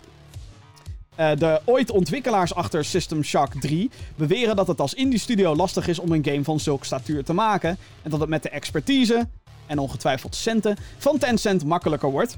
Wat hier vreemd aan is, is dat CEO van Night Dive Studios vervolgens op Twitter beweerde dat, dat dit, nou ja, het bericht wat overal werd gedeeld dat Tencent de System Shock IP overnam, dat dat niet waar is. Want Night Dive Studio heeft namelijk zelf de IP in handen.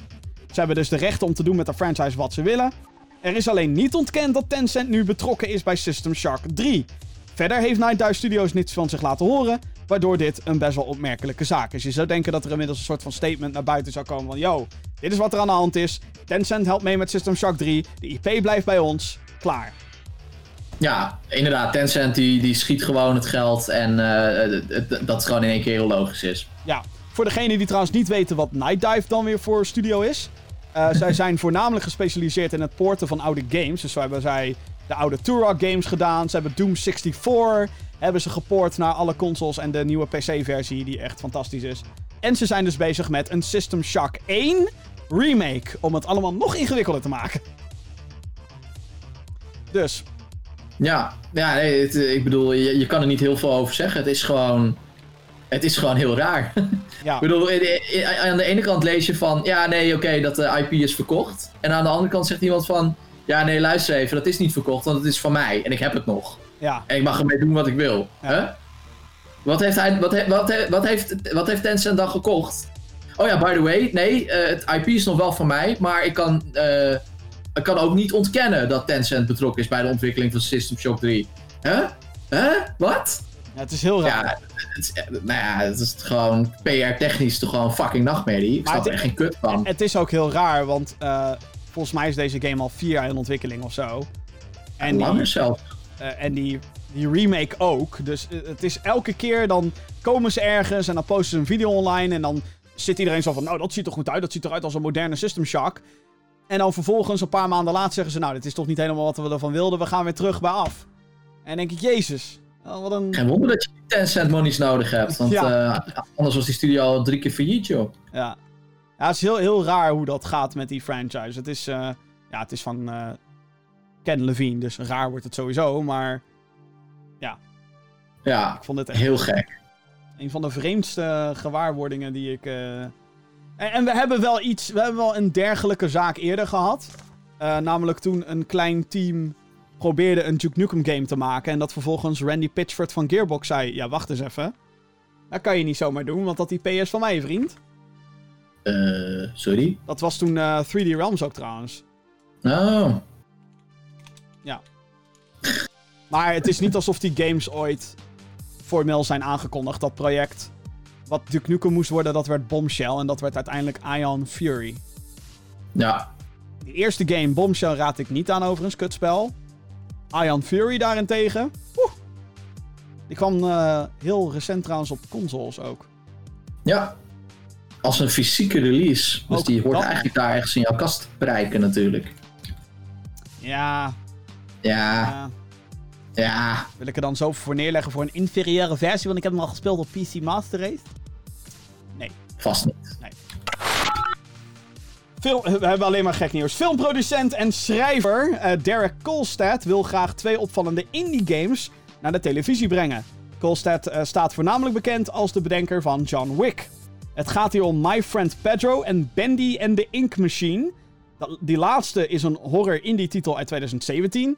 En My Friend Pedro is dan weer een eh, 2D actiespel waarin stijl en slow motion actie de norm zijn. Deze heb ik nog gereviewd. Deze werd vorig jaar uitgebracht door Devolver Digital, a.k.a. de godfather van de indie games. Beide series zijn natuurlijk nog in de beginfase van pre-productie. Eh, dus of ze daadwerkelijk gemaakt gaan worden, dat is nog, maar de vraag. Ja, als ze, als ze My Friend Pedro gaan doen, dan eh, stel ik voor dat, de, dat die guy ook even zijn telefoon pakt en dat hij dan ook gewoon even de regisseur van John Wick belt. Want ja, kom op. Ik bedoel, My Friend Pedro is alleen maar soort van eh, geweld, slow-mo. Ik bedoel, dat, dat kan die regisseur toch? Ja, of, de, of eh, een van de regisseurs van Fast and Furious, als je dat... Want zo over de top is het ook wel. Ja, James Bond. Ja, ja, ja, ja, ja. ja, ja. ja, ja. Ja, ja, ja, ja, ja, ja. Ja, ik denk, ja, die, die guy van Deadpool zou je ook nog wel kunnen, kunnen, kunnen Ja. gebruiken. Of ehm, die... ehm, de gast die die... Hoe heet die ene first-person film nou? Ja, ik wou het net zeggen. die over de top... Ik First... wou het net zeggen, ja. Ik, weet, ik vergeet altijd de naam van die film. Ik weet precies welke je bedoelt. Ja, nou, die... Volledig eh, in eh, POV is eh, gemaakt. Ja, ja, die gewoon wat eigenlijk een soort Serious Sam-achtige film is, basically. Ja, ja, ja. ja, ja die, die, die zou dat ook kunnen, inderdaad. Ja. Maar ik vraag me wel af hoe je hier een serie van kan maken. Ja, ja want ja, er is, is natuurlijk niet echt heel veel ruimte voor verhaalverdieping. Ja, alhoewel we natuurlijk... Alle, alle personages in die game gaan dood. Behalve de main character. spoiler, ja. nou ja, kijk, het- Ja. hetzelfde is natuurlijk ook met die Bendy en de Ink Machine. En het mooie natuurlijk is van series is dat we met verschillende series inmiddels hebben gezien dat het niet allemaal per se drie kwartier hoeft te duren. Nee, nee, je kan de lore natuurlijk ook op een andere manier kun je, kun je die verkennen, inderdaad. Ik bedoel, eh, Castlevania duurt ook niet, eh, eh, duurt ook 20 minuten per episode, bijvoorbeeld. Die End of the Fucking zien, World. ook. inderdaad. En die End of the Fucking World ook, dus ja. Maar goed, ja, Stop nou de- eens met vloeken, man. Jongens, wat? stop nou eens met vloeken, man. End of the Fucking World. Fucking, fucking, Ja, fucking. doet hij weer. Jongens. Fucking. Sorry. Ah, die film heet Hardcore Henry. Iemand... eh, Oh, ja, ja, ja, ja, dat is het. die Ja. zet het even in de comments. Eindelijk, dankjewel. Anders, eh, anders moet ik het zo meteen weer opzoeken. Vergeet ik dat, denk ik eraan wanneer ik in bed lig. Exact. Nee, dat is niet goed. Heel dat soort dingen weer. Houd het me weer wakker. Willen we niet. Nope. Ehm, dan eh, wat positief nieuws over Doom Eternal. Ik ben natuurlijk vaak al positief over deze game, maar eh, nu nog meer redenen. Eh, via Reddit heeft de executive producer van Doom Eternal, Marty Stratton, aangegeven dat zij de nieuwe De Nuvo anti-cheat software gaan verwijderen uit de PC-versie van de game. Deze werd vorige week geïmplementeerd met een patch. De kritiek na de patch ging over het feit dat de anti-cheat zich nestelt in de kernel van je PC. Oftewel de diepste laag van je operating system, om het simpel te, te vermelden. Dus Mhm. in principe kan het overal bij, zeg maar. Eh, ook zou het de performance hebben aangetast. Stratton zegt via een lange post dat de performance problemen eigenlijk werden veroorzaakt door een verandering in hoe de game met VRAM omgaat. Dit wordt weer teruggezet in de volgende update. Ook dat het doel van de anti-cheat software was om de ervaring voor iedereen zo leuk mogelijk te houden. Terwijl ze ook de privacy van de speler rechtvaardigen. It Software, de ontwikkelstudio, gaat nu kijken naar een alternatieve oplossing voor anti-cheat. Ook wist Marty Stratton uit te leggen dat de beslissingen altijd zijn gemaakt door de studio en niet opgelegd zijn door uitgever Bethesda, daar waar de wijzende vinger vaak naartoe ging afgelopen week. Deze verandering werd alom geprezen en het komt niet vaak voor dat ontwikkelstudio's zo snel reageren op felle kritiek en dingen terug gaan draaien. Tja, dit was een dingetje, dit was een rel. En vervolgens Ja. praise it. Maar ik, ik, ik snap het niet zo goed. Want eh, zolang als dat die de, de Nuvo anti-cheat shit bestaat, is er altijd gezeik mee. Ja, Altijd. Nou moet ik wel zeggen dat er twee programma's zijn die de Nuvo heten, zeg maar. Eentje is de DRM, oftewel dat is Oh ja, van DRM inderdaad. wat, ja. wat ze noemen anti-tempering. Dus eh, daarmee willen ze eigenlijk voorkomen dat je illegaal games speelt. ja. Ehm, nou, dat ne- nestelt zich inderdaad in je PC. En daar is in het verleden ook al heel veel controverse over geweest dat dat performance aantast en dat soort dingen. Eh, en ja, nu heeft datzelfde bedrijf dus een anti-cheat programma ontwikkeld. en het effect is hetzelfde. nou ja, wat, wat, ik dus heel grappig vind is dat iedereen dus heeft lopen bitchen over de performance van die game. Terwijl het helemaal niet aan de Nuvo heeft gelegen. Al dus it software. Ja. Even ervan uitgaande dat zij de, de waarheid spreken natuurlijk. Ja, maar het zou wel heel raar zijn als, als it het boetekleed aantrekt terwijl, ja, terwijl het echt door de Nuvo kwam, toch? Ja, ja nee, maar uh, uh, Marty Stratton, die executive producer ook, is heel, heel open geweest naar de community eigenlijk. Ja. Uh, wat eigenlijk een soort frisse wind voor iedereen is geweest. In een industrie waarin hele grote studio's vaak natuurlijk heel geheimzinnig doen. En ik snap overigens heel goed waarom. Als, iedereen, als iemand, en jij denk ik ook, als iemand die in de marketing werkt, op het moment dat je dingen gaat zeggen zoals: Oh, dit, het lijkt ons leuk om dit ergens in te verwerken. Dan, zeg, dan zien mensen dat als een bevestiging. Ja. Uh, dus je moet heel goed uitkijken met wat je zegt. Maar ook met die hele situatie rondom uh, de componist van Doom Eternal, Mick Gordon, ja. zijn ze eigenlijk ook heel open geweest van: Yo, dit is, wat er, dit is onze kant van het verhaal. En dit is wat er aan de hand is. Ja. Uh, en, en dat is eigenlijk, ja, wederom heel verfrissend. Um, ja, ik vind het wel, wel ja, ik vind het ook wel uh, fijn. Ik bedoel, ik, ik, ik had er niet zo heel veel last van, van die de nouveau shit. Um, ik snap wel dat mensen daar een probleem mee kunnen hebben. Met name als je alleen maar de singleplayer speelt, wat heel veel mensen natuurlijk doen. Die spelen Ja. Doom voor de singleplayer campaign. Heb ik overigens ook aangeraden in mijn review. Zo van, ja, leuk die multiplayer, maar whatever. Ik had makkelijk zonder gekund. Ehm, dus ja, het, eh, dat vond, ik- vond ik geinig, dit. Ik wacht Ja. nog steeds op de DLC, de singleplayer DLC. van deze game. Ja, laten we hopen dat andere bedrijven dit, eh, dit voorbeeld eh, gaan volgen. Alhoewel, nogmaals, dat hangt heel erg af van hoe je dingen wil aanpakken. En niet alleen maar als uitgever, by the way, maar ook vooral als ontwikkelstudio. Want ja. Laat ik het zo zeggen, er zijn weer heel wat do- doodsbedreigingen ook eh, door de lucht heen gegaan.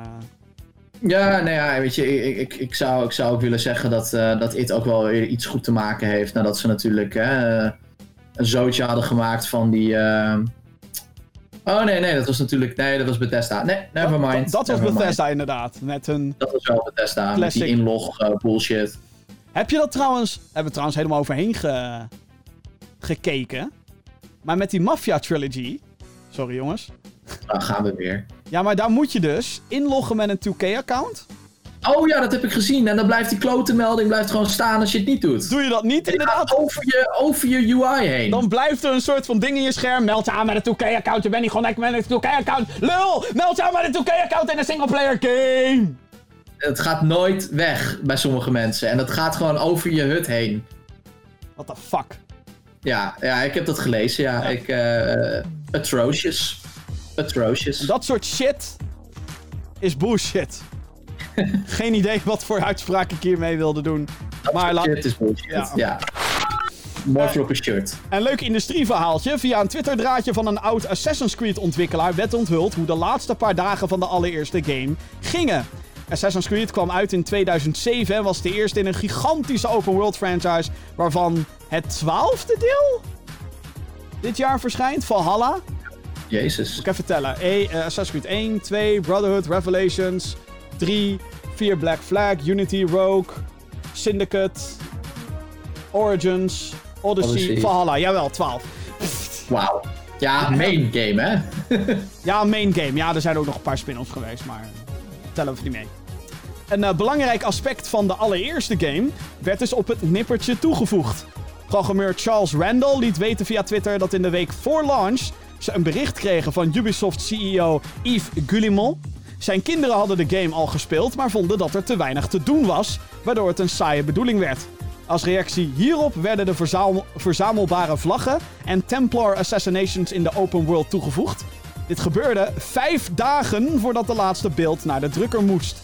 Een grote eis is dat het ook nog eens bugvrij moest zijn allemaal, wat lastig is in open world games. Zie de Mafia Trilogy. Het was de ontwikkelaars voor een groot deel gelukt. Eh, behalve één bug die in de game eh, zit. Waarbij je de game niet voor de volle 100% kan uitspelen als je één bepaald personage vanuit een verkeerde hoek probeert uit te schakelen. Oké, dus al met al eh, good game. Al met Maar al, bizar, joh. dat ze dat vijf dagen van tevoren... eh, Ja, maar wat, wat een kutactie is dat, zeg.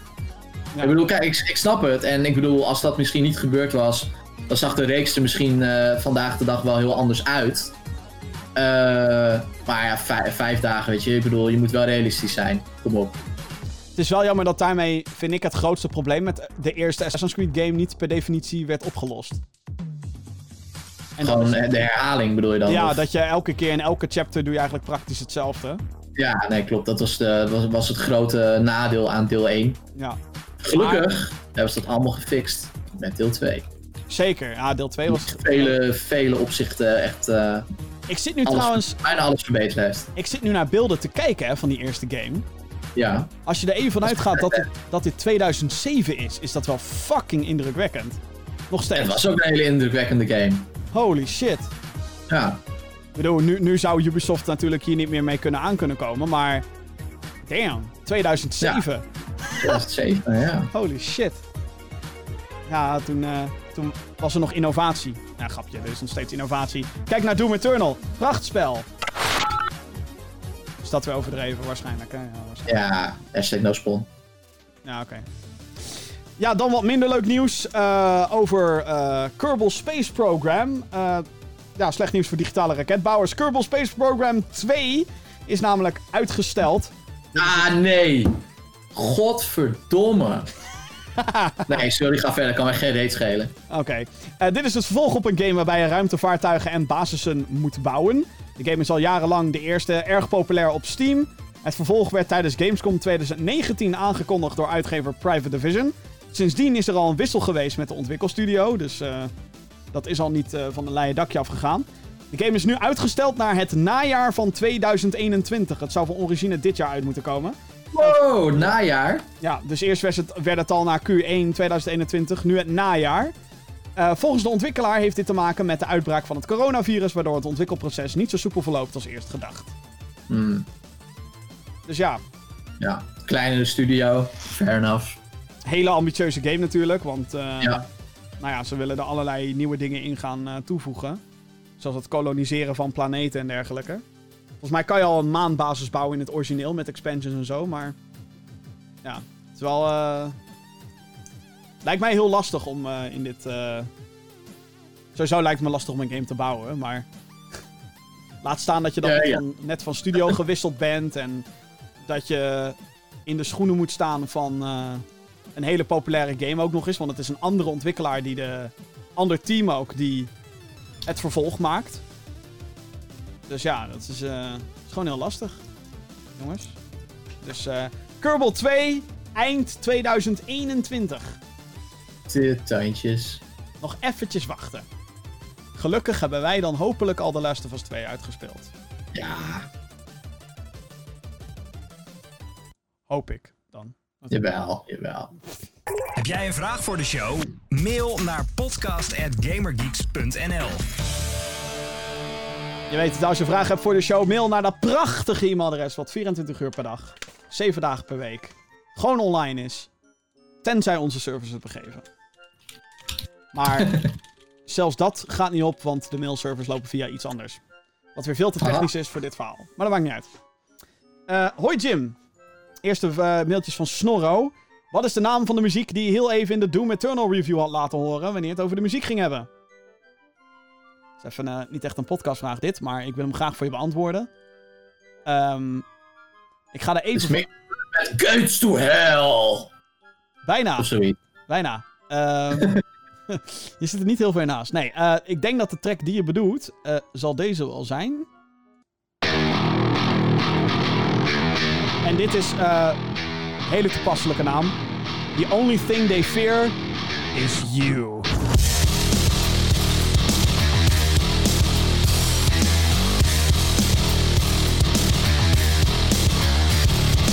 Tot zover eh, even een momentje Doom Eternal. Bedankt daarvoor. Ja, daar hadden we, hadden we nog niet genoeg van deze podcast natuurlijk. oh, wat een soundtrack, hé.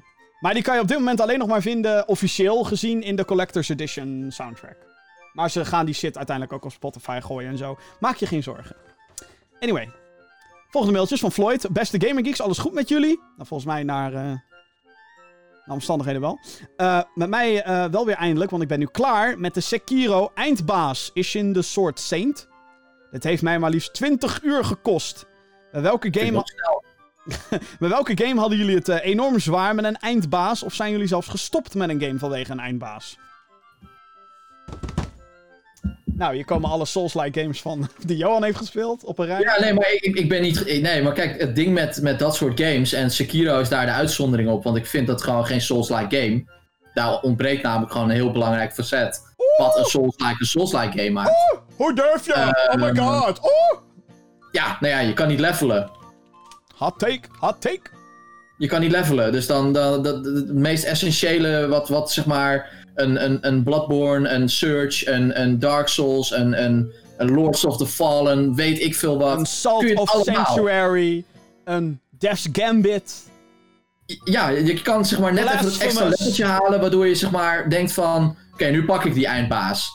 En doordat je zeg maar even die grind kan zetten in een van die willekeurige games, heb je iedere keer het idee dat het nog mogelijk is.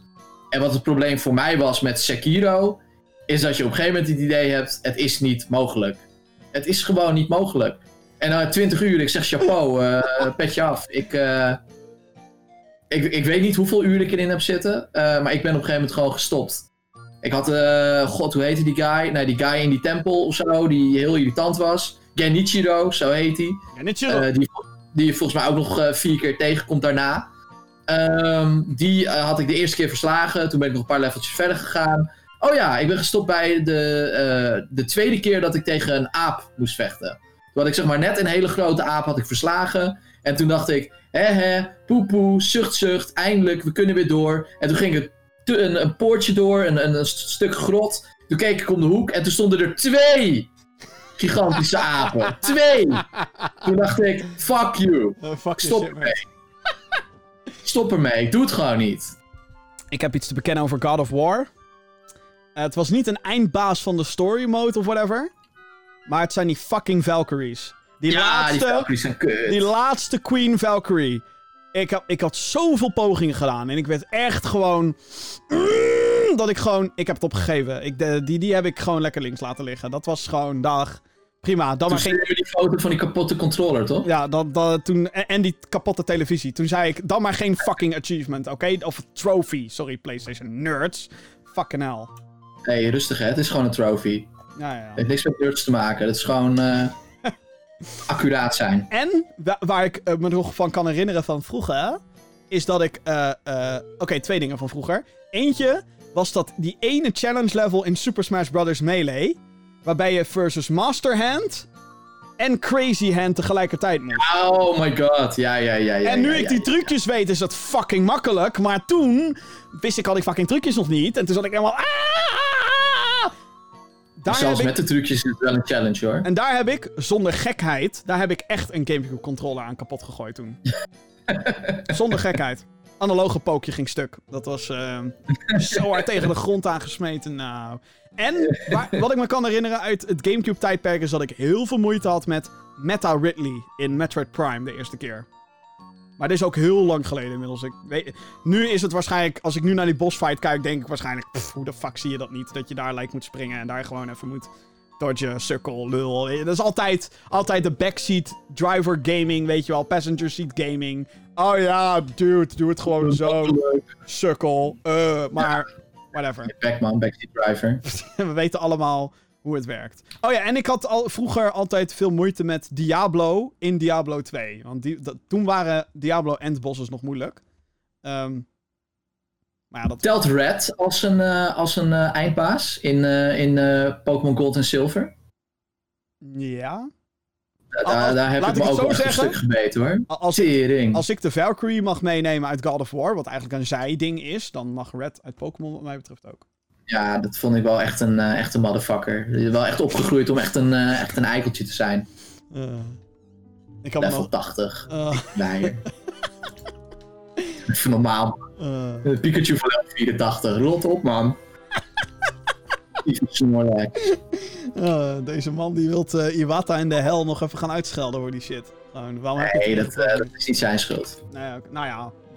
Hij, Nee, hij kreeg het voor elkaar om 150 monsters in zo'n cartridge te proppen. Dus, eh Ja, nou ja, ma- maak daar maar nog een extra monster van. Want Red was ook een monster. Tering. hey. Peter heeft Holy gemeld. shit. Dag Jim en mede Gamer Geek. Al mijn oude games en consoles staan momenteel netjes in een kast. Nou, dan doe je het beter dan ik. Helaas ontbreken enkele pareltjes uit mijn verzameling Game Boy, Gamecube, PS1 en PS2 games. Omdat ik vroeger geen verzameldrang had en deze voor een paar euro heb verkocht op Marktplaats en de rommelmarkten. Daar, oh, daar heb ik nu best wel veel spijt van. Hebben, Ja, jullie, ik voel je fucking pijn, gast. hebben jullie hier ook ervaring mee? Zo ja, Ja. van welke game heb je achteraf het meeste spijt dat je hem verkocht hebt? Conker's Bad Fur Day. Ik Die heb... is nu fucking veel waard. Och, ja. De Europese versie. Als je heb- die nu wil kopen, betaal je gewoon 300 euro. Ik heb ooit mijn, eh, mijn Super Nintendo met al mijn spellen weggedaan. En, oh, als ik daar nu aan terugdenk, denk ik, dat ik... Als er een tijdmachine zou bestaan, jongen, dan zou ik me daarvan, Ja, zeg maar... zou ik terugdraaien. Dat, Dat- ik daar in dat postkantoor sta met al die pakketjes. Dat ik denk, nope, nope, gewoon terugstorten. Ik zou gewoon naar die rommelmarkt gaan. Hallo, zie ik er een beetje bekend uit? En dan zegt jongere Jimmy zegt dan waarschijnlijk, je bent dik. Ja, hartstikke dik ben je. En wat de fuck is er met je haar gebeurd? En waarom heb je zo'n grote, dikke bril op? ja, kappers zijn dicht in de toekomst. Ja, luister dan. Alles gaat naar de tering. Maar luister naar me. Final Fantasy Crystal Chronicles is het niet waard, oké? Fucking laat die shit hier liggen. Er komt, waar ik vandaan kom, uit mijn jaar. Ja, dat duurt nog even. Maar dan komt Crystal Chronicles gewoon opnieuw uit. En dan heb je Ja, veel te moeten veel we nog geld. zien. Het is nog steeds geen datum. Nee, dat is waar. En ik heb veel te veel. Ik geef in jou. Ik geef allemaal geld uit aan collector's editions. Geloof me, dit wil je houden. Nee, ik had toen dus zo'n Super Nintendo met Donald in Maui Mallard. Ik had Killer Instinct. Ik had de eerste Mortal Kombat. Ik had Street Fighter 2 Turbo. Ik had eh, nog eh, een aantal andere games. En Terminator 2 ook. Wat een fucking slechte Ik game. F-Zero had ik. spijt ook Maar ik. van, van het feit dat ik verpakkingen niet meer heb. Oh, oh ja, zo. Weet je wel, die 64 doosjes die je gewoon allemaal gewoon argeloos gewoon in de prullenbak hebt geflikkerd. Omdat je zo had van ja, ik heb het spel toch. Game Boy. Game Boy is dat het allerergste natuurlijk. idioot. Domme idioot. Ja. Echt hoor. Gadverdamme. En nu zijn we als Baal je dan van jezelf zeg. Nu zijn we het aan het bewaren als een soort van museumstukjes van ja, nu kijk Nu ben ik die dingen allemaal aan het kopen. Godverdomme. Same. Ik, gewoon, ik, ga, ik, ik, ben gewoon aan het dubbeldippen. Gewoon 20, eh, 20 25 jaar later. Kutzooi. Eh, daarnaast ben ik benieuwd, het is nog Peter weer dit. Eh, daarnaast ben ik benieuwd welke videogame uit jullie verzameling het bijzonderst voor jullie is. De mijne is de fantastische PC-game WK98 voetbalavontuur. Met het Ja, commentaar, ja, ja. Wakka, Guru. Ja, die heb ik ook gespeeld. Met het commentaar Even van de... Johan Jezus, gaan nou Cruijff. even dat mailtje afmaken. Met het commentaar van de one and only Jack van Gelder. Hier is destijds mijn liefde voor voetbalgames ontstaan. Ga zo door met het maken van toffe content. Groetjes van Peter. Wauw. WK Ja. voetbalavontuur. Ja, nee, dat is echt geweldig. ik ken het. Eh, Volgens mij is nou relax of zo. eh, volgens mij. welke game uit jouw verzameling is het bijzonderst? Johan. Ehm, nou, ik heb nog een, eh, een Limbo Limited Edition in verpakking. Met dat 3D-brilletje en zo. oh. Eh, wat eh, voor PC, wat volgens mij wel bijzonder is. Ehm, ja, moet ik echt even goed over nadenken. Ik heb echt zoveel shit verzameld inmiddels. Ja, same. Mm, Ja, ik vind het dus. eh, ja, ik vind het heel tof dat ik sommige Super Nintendo games dus weer heb op kunnen sporen. Eh, die ik vroeger had. En ik vind het. eh, wat ik het tofste vind is als je een oude game hebt. Eigenlijk een beetje in de trant waar we het net over hadden. Dat hè, je flikkerde het doosje weg en het boekje pleurde je ook weg. Want je wist toch gewoon fucking Game Boy werkte, weet je wel. Ehm, dat ik daarvan weer een aantal heb weten te verzamelen. En ook van games waarvan ik niet eens wist dat ze bestonden. Ik wist niet eens dat er een Turok 1 bestond op Game Boy. Maar ik heb hem. Met hoesje Cool. en boekje en al. En ik heb er ook zo'n plastic omhulsel voor gekocht. Dat ik hem daarin doe, weet je wel. Zodat hij soort van preserved blijft. Dat doe ik nu trouwens met ja, alle precies. retro, eh, zeg maar, Nintendo kartonnen doosjes. Die, eh, ja, dat. En eh, wat ik inmiddels een beetje bijzonder begin te vinden is mijn altijd groeiende PlayStation 1 collectie. Er is iets met die, die hoesjes en die, dat stevige, die jewel case en dan die dikke witte koeienletters aan de zijkant waar de titel van die game op staat. Ehm, roept bij mij heel veel herinneringen op. En daar vind ik het dan ook bijzonder dat daar dan ports tussen zitten of games waarvan je dacht, serieus, was dat op dat systeem? Ik wist dus tot een jaar geleden echt niet dat Dark Forces, wat een Star Wars Doom-clone is, dat dat op PlayStation uit was gebracht ooit. Oké. Maar ik Ik ken heb die hele game niet. Dark Forces niet? Nee. What the fuck? Ja, sorry man. Ik heb trouwens nog een GTA 2 Big Box Oh. in verpakking. Ik heb, ik heb Prince of Persia 3D Big, Big Box heb ik hier liggen. Dat is echt te gek. Ja, ik ook. Want die was van Mindscape. Dus eh oh, dat eh, kijk. Ja, ik had vond, hem, vind ik leuk om te hebben dan. Dus jij was degene die hem op, voor 9 euro op Marktplaats... Nee, ik heb hem. Oh, oké. Ik heb hem zelf, want ik vind het leuk om te hebben. Ik heb hier een hele sloot aan, aan allemaal oude Mindscape dingen. We waren het kantoor aan het opruimen en toen zei eh, mijn baas zei... Ja, dit kan weg, dit kan weg, dit kan weg. En toen dacht ik... Nee, nee, nee, nee, nee. Bro, ik ga het gewoon bewaren. Fucking geschiedenis, bro. Geschiedenis van je eigen company. Wat doe je? Daarom. Ja, maar ja, we hebben niet zo heel veel ruimte, weet je wel. Dus ik dacht van, fuck it, ik neem het wel mee. En nou staat het hier gewoon enorm in de weg. Maar denk, we gaan misschien binnenkort naar een eh, ander kantoor en dan kan ik het daar eh, zetten. dan ga je een soort Als een van... soort van museum. Ja, ik wou net zeggen, dan ga je een hoekje opeisen van... eh, dit wordt... Dat vind ik wel. Ik bedoel, weet je, ik bedoel ook die, ook die hele oude games, weet je wel, die, die ertussen zitten. Dat ik denk, volgens mij zit er een Robbie Konijn tussen en dat soort dingen. Het is gewoon leuk. Ja, het is wel tof, zeg maar. Dat vind ik tof als ik bij studio's of bij, bij uitgevers langs ga. Dat je daar dan inderdaad zo'n hoekje hebt, zo'n vitrinekast meestal met al hun releases en soms ook wat eh, dingen die ze bijvoorbeeld hebben ingescand. De, de shotgun van Doom ligt bijvoorbeeld bij id Software in een vitrinekast. De daadwerkelijke speelgoedgun die is gebruikt om de shotgun in te scannen. Die ligt daar. De Doom shotgun ligt daar. Zeg maar. Dat vind ik zo tof, weet je wel. Dat is zo cool. Maar ja, dat soort dingen hebben we dan volgens mij niet. Eh, Nee. ik denk wel dat, dat we, zeker als we alle collecties bij elkaar steken, dat wij een best wel indrukwekkend museum kunnen bouwen met videogames. Ja, dat ben, daar ben ik ook bang voor. Want ik koop, eh, ik koop nog steeds te veel. Ik heb laatst ook een Age of Empires Big Box gekocht. Hey. Omdat ik, ja, weet je, omdat ik die gewoon niet meer had. Ja. En het is wel Age of Empires, weet je wel. Dat gaat, dat gaat me gewoon aan het hart. Dat moet ik gewoon hebben. Eh, A2 Racer, Big Box, dat soort dingen. Ja, gewoon vet. Vind ik leuk. Ja, laatst had ik dus, dit is wel een paar maanden terug inmiddels hoor. Maar er ligt hier nog steeds een stapeltje van DS-games die ik toen had gekocht. Dus maar echt random shit, weet je wel. Zoals Brothers in Arms DS. Het was een. Nee, die is fucking goed, gast. Eh, King Kong op de DS. Peter Jackson's King Kong. Dit was Ja, een ja, ding. ja. Eh, Beautiful Joe Double Trouble op de DS. Holy fuck, wat vet. Eh, Transformers War for Cybertron. Autobots. Want ze probeerden het Pokémon-ding te doen met.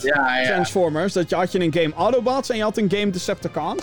Eh, de classic natuurlijk. The Legend of Zelda Phantom Hourglass voor DS. Eh, Nice. Ninja Gaiden. Voor de DS? Ja, Dragon Sword heet hij ook. Want hey, Dragon Sword is DS. Eh. Oh ja, ja, ja. ja. Call of Duty. Modern Warfare 2 voor DS. En ehm, deze vind ik interessant. Dementium 2. Dit is, het dit is het vervolg op, je raadt het nooit, Dementium. Dementium 1. ja. Maar dat eh, was dus een pitch voor een Silent Hill first-person game op DS. Oké. En die werd afgewezen door Konami. Goh, verrassing. En dat werd dus Dementium. En daar hebben ze dus ooit een sequel op gemaakt. Nou, dat soort shit. Oké. Dit soort random games dan, zeg maar. Niemand die hier waarschijnlijk de waarde van inziet. Terwijl Ah, het, wat waar, een USK, gadverdamme. terwijl het hele eh, interessante titeltjes zijn. Allemaal met een verhaal en zo. Dat vind ik misschien nog wat allerleukst als er een verhaal achter zit. Ja, nou ja, dat is, dat is de reden dat ik ook bepaalde dingen koop, weet je. Ik heb bijvoorbeeld... eh, eh, Amazon.nl opende hier natuurlijk, eh, een maand of twee geleden. En toen hadden ze ehm, Agents of Mayhem hadden ze echt voor, voor nop. Ah ja, ja. En dat vind ik dan, omdat dat dan een stukje geschiedenis is. Want hè, hoe heeft die game kunnen floppen? Omdat je hem geen Saints Row hebt genoemd, onder andere. Eh, vind ik dan leuk om die in mijn, in mijn bezit te hebben. Dus die heb ik dan ook gewoon. Anthem, zelfde verhaal, ook gekocht. Ik heb hier trouwens ook Guitar Hero On Tour Decades. Voor Die DS. is vet, die is vet. Dat had dus zo'n dingetje. Een soort van...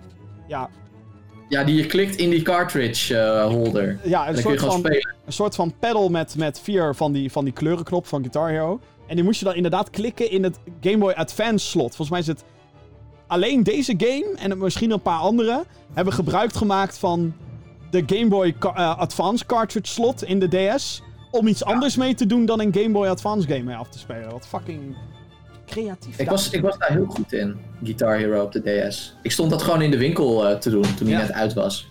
Hoe, hoe klonk dat op een DS? Want die soundchip was helemaal niet zo goed. Ja, niet zo best natuurlijk, maar je, je kon de nummers er wel uithalen. Dus, Ah. En dat is, dat is dan voldoende. Ja, precies. Maar oké, leuk. Eh, heeft Peter nog meer, Nee, nee, meer ik heb- nee, nee, nee. Eh, maar dankjewel, Peter. Het was een heel leuk mailtje. Je merkte de emoties die erbij opkwamen. Rip, mijn oude SNES-collectie. Eh, Jens heeft gemaild. Dag Gamergeeks. Binnenkort is hopelijk het event waarop we allemaal zitten te wachten.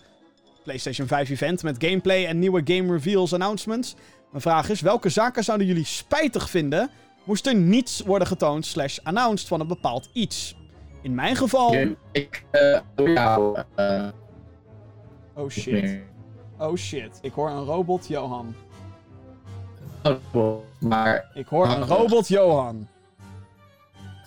Maar dan is nu de grote vraag. Ligt het aan Johan? Of ligt het aan mijn internetverbinding? Shit. Ida, I, O, I, A, A, O, eh, Jij bent er nog, Jim? Oh, oké. Ik ben er nog. Oh, god. Oh. Daar- Hallo? Ha- hallo? Ja, zijn we er Ja, weer? we, zijn, we zijn er weer. Hallo. Wat de F gewoon. Alsof ik ontvoerd werd door fucking aliens of zo. Zo klonk het inderdaad, ja.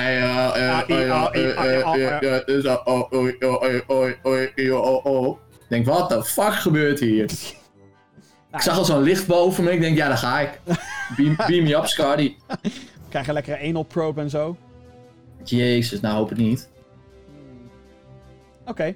Nou, eh, Ga, gaan we het even netjes afronden? spreek ik nog steeds met Johan Kreek of is dit een vervangende AI die eh, je vervangen heeft? Ja, alsof, alsof het mijn internet was deze keer. Het was niet mijn internet, Matty. Nou, de stream bleef gewoon nog... Nou, maakt niet uit. Anyway, Jens heeft gemaild. Ik zal gewoon even het mailtje halen. Eh, dag Gaming Geeks. Binnenkort is hopelijk het event waarop we allemaal zitten te wachten. De PlayStation 5. Met gameplay, nieuwe game reveals, announcements, bla bla bla. Mijn vraag is, welke zaken zouden jullie spijtig vinden als er niets van wordt getoond of geannounced of whatever? In mijn geval zou ik het zeer spijtig vinden mocht er niets worden gezegd of getoond in verband met een nieuwe Ratchet Clank. Groetjes van Jens.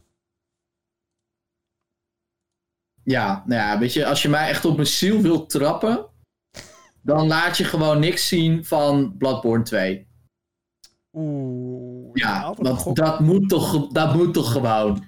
Dat moet toch gewoon. Echt. Kom op. Elk jaar E3 zit Dat hij... moet toch gewoon. Zit, zit Kreek zo klaar met zijn armen over elkaar. Kom dan maar, godverdomme, bij Bloodborne 2. Klaar mee. Ja, maar nu zitten we in een nieuwe generatie. Dus ik bedoel, come on. Ik bedoel, de, de, de, de PS4 en Bloodborne, dat is nog steeds gewoon een match made in heaven. Ik bedoel, die game ziet zelfs nu, ziet er gewoon nog steeds echt weergeloos uit. Gewoon echt, echt een hele mooie game. Eh, dus dat zou toch een hele mooie showcase kunnen zijn. Bloodborne 2 op de PS5.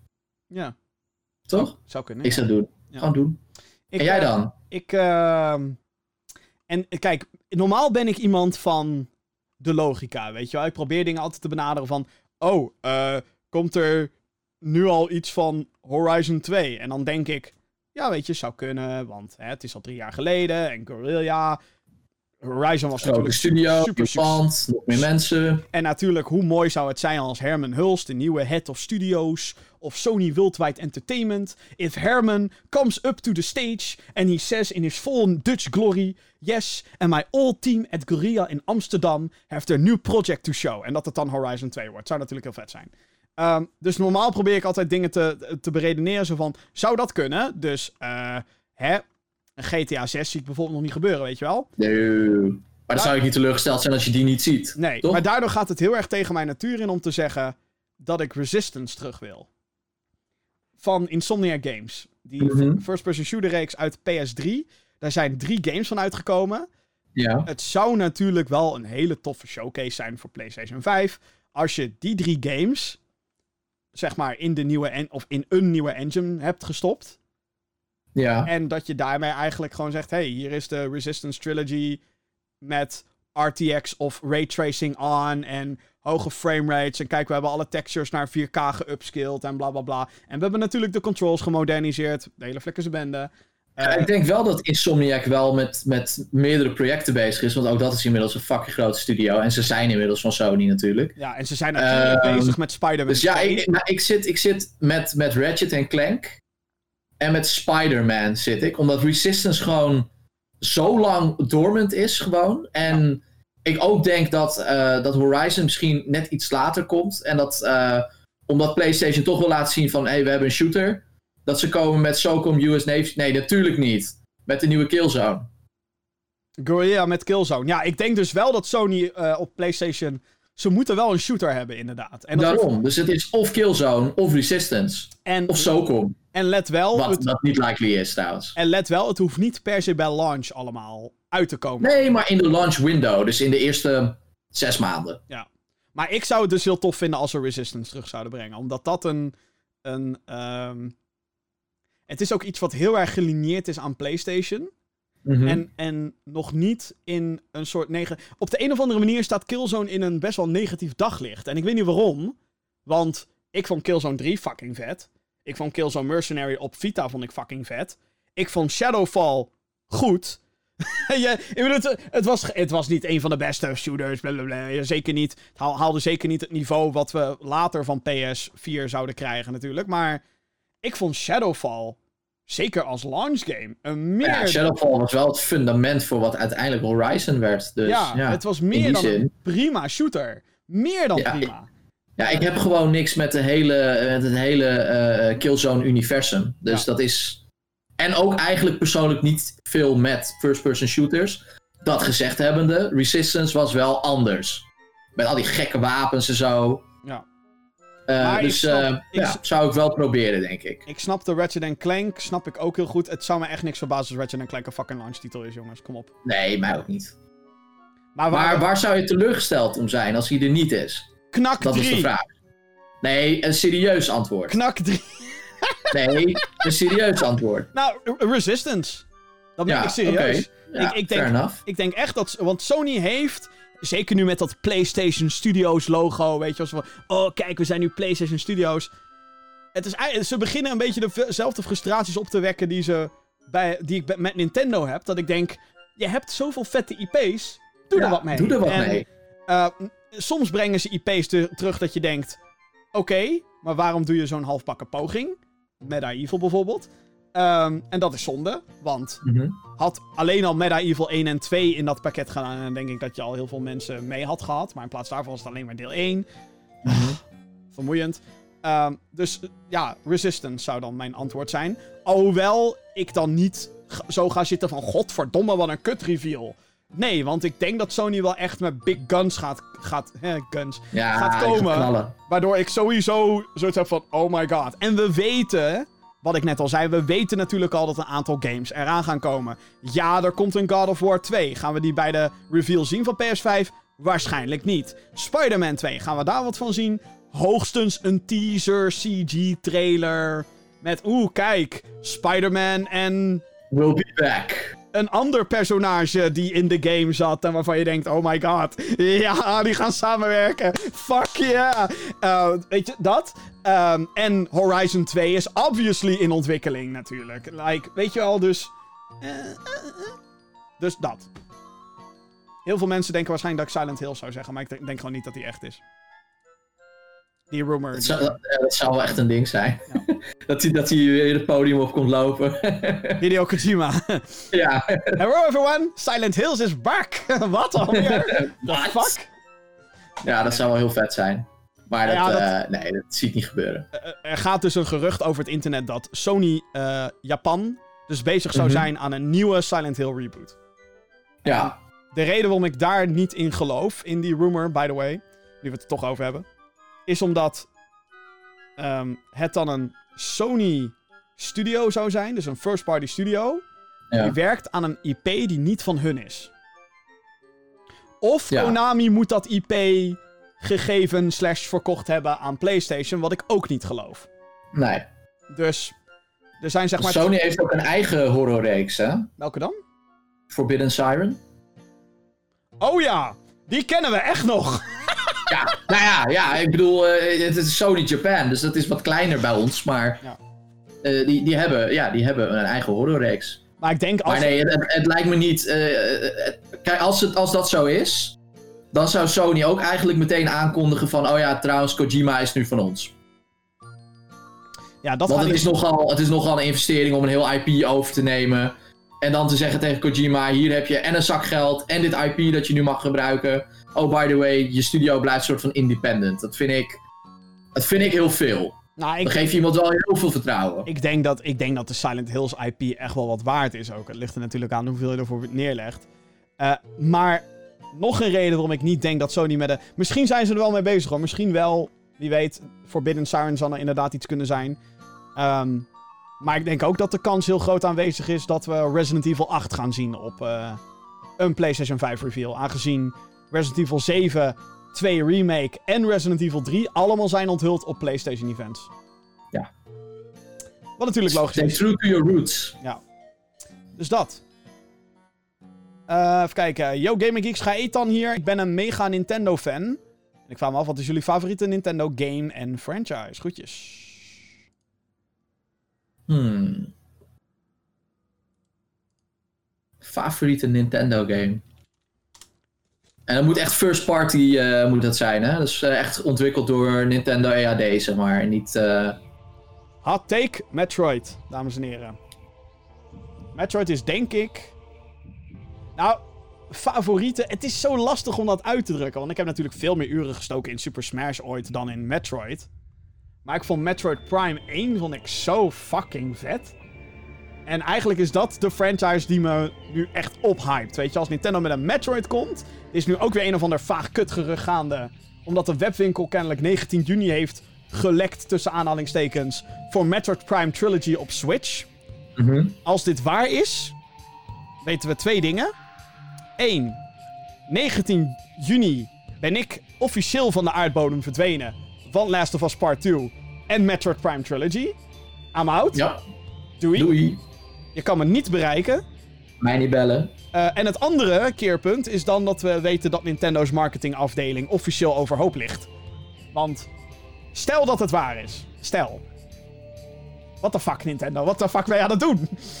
Moet je dit niet like ophypen, Metroid Prime Trilogy, als dit waar is? Wat het denk ik niet is, maar hey.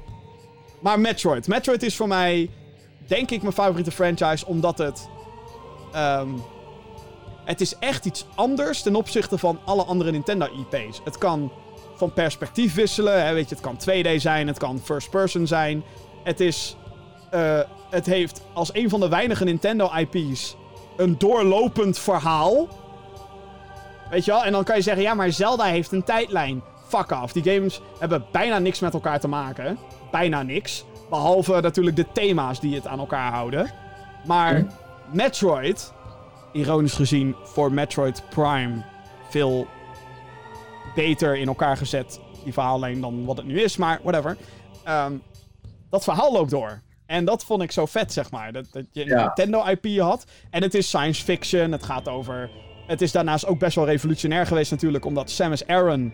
Dat was toen de tijd een verrassing. Dat het een vrouw was. Mhm. Ehm, dus wat dat betreft... Progressieve franchise, dames en heren. Ehm, honestly, I couldn't give two shits of het een vrouw of een man is. Maar hey. Ehm, Nee. maar gewoon Metroid Prime, jongens. Dat is zeg maar.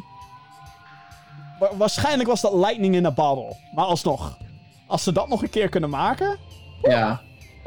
Ja, ik denk, denk dat, dat eh, als ik gewoon moet kijken naar wat ik zeg maar het meest heb gespeeld, gewoon door de jaren heen, eh, ehm, qua franchise, en waar ik ook echt wel plezier mee heb gehad, dan eh, is het misschien heel cliché om te zeggen, Super Mario? Ja. Maar wat is dan je Ja. favoriete game? Sorry? Wat is dan je favoriete? Eh, ja, tering. Eh, ja. Ik denk, en dit is, dit is hot take, hot take, want dat is echt niet iedereen met mij eens. Super Mario Sunshine. Ah. Ja, Nou die, ja, vond ik, die vond ik echt heel leuk. Het was wel weer een hele andere take op het hele 3D. überhaupt 3D-platforming eigenlijk. Ja, Want was maar eigenlijk. Sunshine krijgt gewoon niet zoveel liefde. Dat eh, merk ik in ieder geval. Maar ik vond dat echt, ik vond dat echt in sfeer, in, in, ook met die, met die flat op je rug en zo. En met dat schoonmaken van het eiland en het level design en zo. En het, überhaupt de hele mechanic. Dat je die, dat je, hè, die flat ook als een soort van jetpack kan gebruiken. Gewoon super vet. Ja, nee, Sunshine. Ja. Ook al ja, was Odyssey natuurlijk ook gewoon top.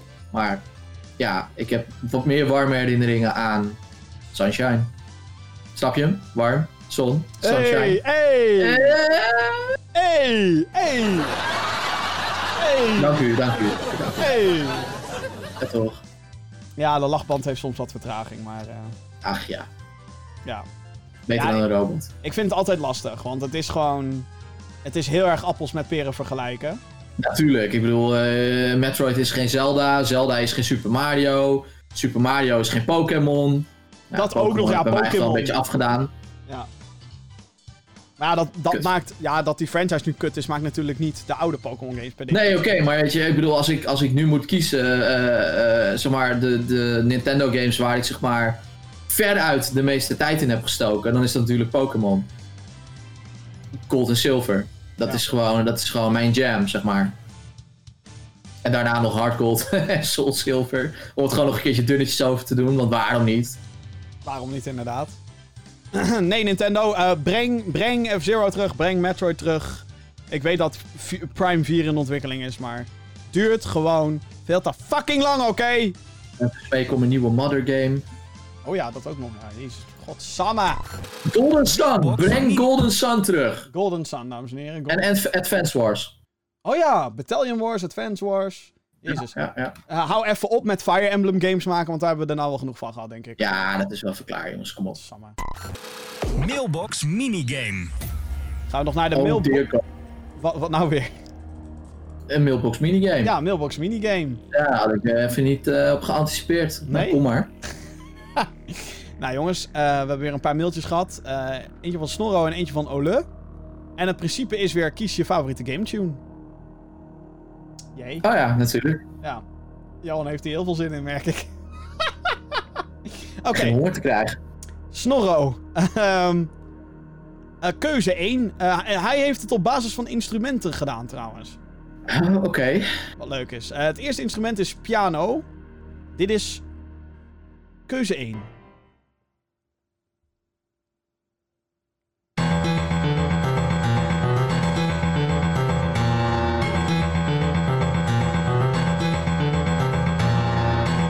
Is eh, E1M1 at Doomsgate from...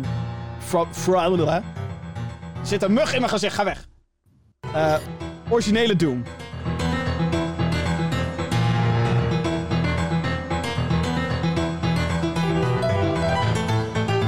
Volgens mij ook... Nou, weet Is, er ook een, is er ook een tweede team of moet ik gewoon meteen Doom kiezen? Nee, Word, je daar blij van? De tweede, de tweede. Eh, godsamme.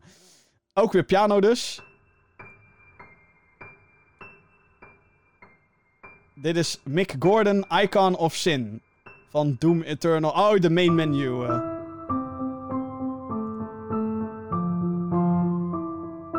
Klinkt als een soort eh, Titanic liedje dit, joh, op deze manier.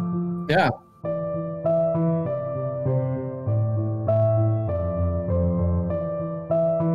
Nou, ik weet niet hoe het met jou zit, maar... Dan ga ik toch wel voor die eerste zelf. Ja, nee, die eerste is gewoon iconisch. Ja.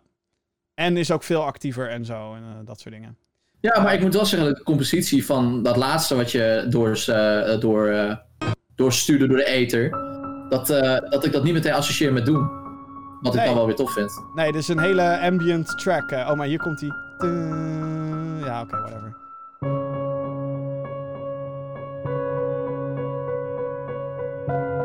Hier komt het klassieke Doom. Zeg maar dat. Dat zit, zit ook in de orgi- het origineel. Goed. Eh, de tweede, gitaar. We gaan de gitaarmuziek, dames en heren. We're ready then.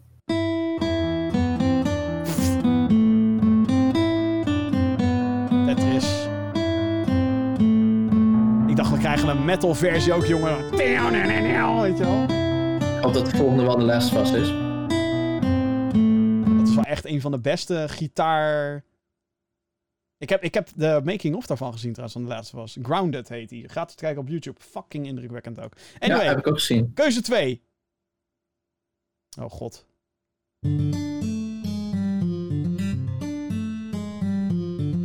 Voor degenen die dit niet kennen, dit is Undertale Megalovania. Toby Fox.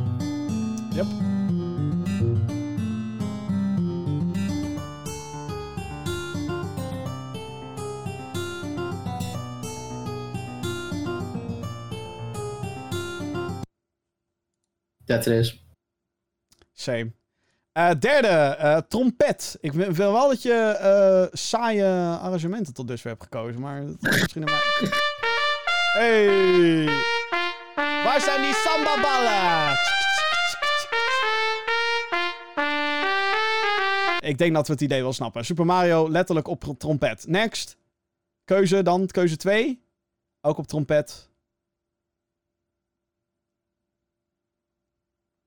Komt die? Komt die? Oké.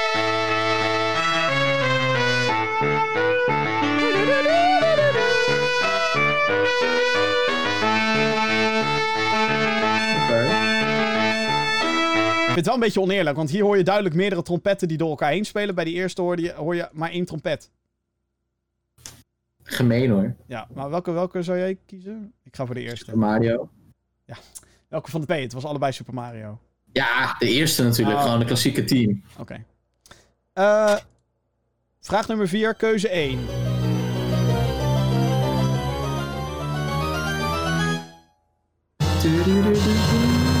Dit schijnt een drumcover te zijn. Ja, maar je gebruikt de originele muziek doorheen, dus dat is niet echt...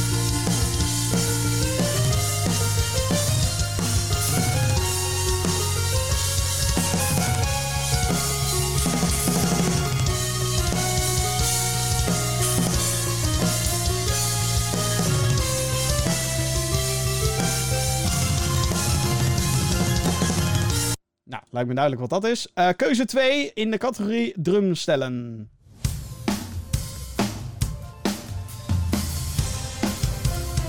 Dit is van Overwatch, dit.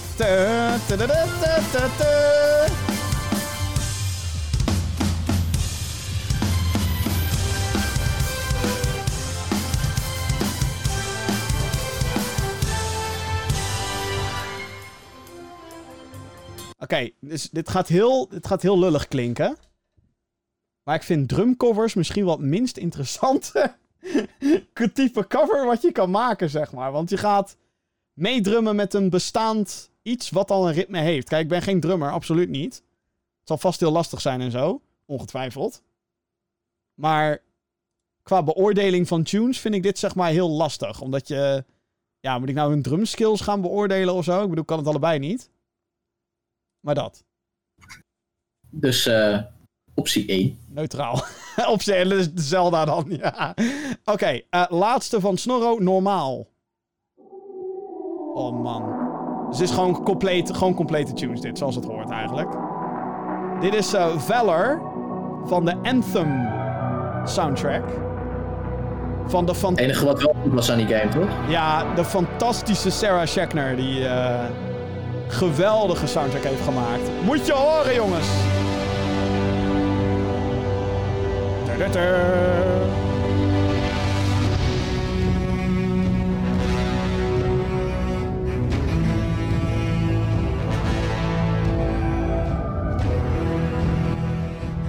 Ze hebben het wel echt verneukt bij hè. Als je zo'n toffe soundtrack hebt. Voor zo'n baggerspel.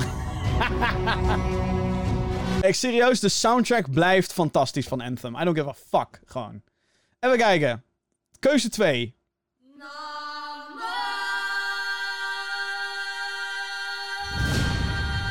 The Witcher 3.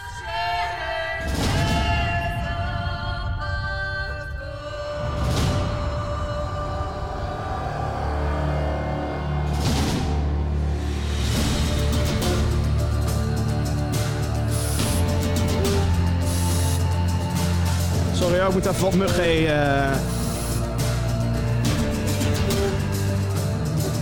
Het zijn alleen geen muggen, hè? Het zijn een soort van vliegjes. Nou, Johan. Ja, ik, The Witcher heeft gewoon iets avontuurlijkers. Dus ik Oh. ga voor The Witcher. Hot take, ik ga voor Anthem. ik ga voor de Anthem OST. Oh. Voor de Anthem Anthem. Ja, de Anthem Anthem, inderdaad. Nou, laten we dan eh, de volgende verzameling tracks, laten we dan even heel snel doorheen gaan. Ole heeft Ja. weer een paar verzameld.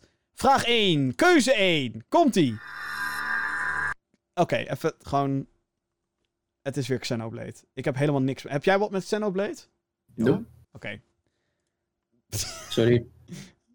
Wij kunnen waarschijnlijk... Weer Xenoblade. Wij kunnen waarschijnlijk deze tracks gewoon niet beoordelen gewoon. Sorry, ik skip hem. Vraag 2. Mario Kart. Wii. De Rainbow Road.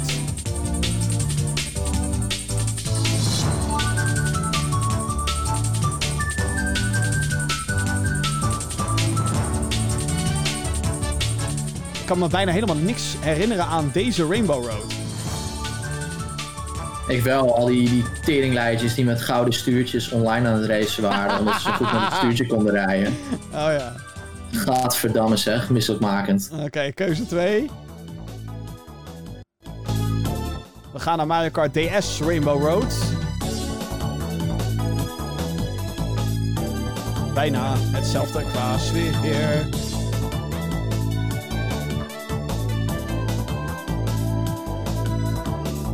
Ik ga voor DS, heb ik vaker gespeeld.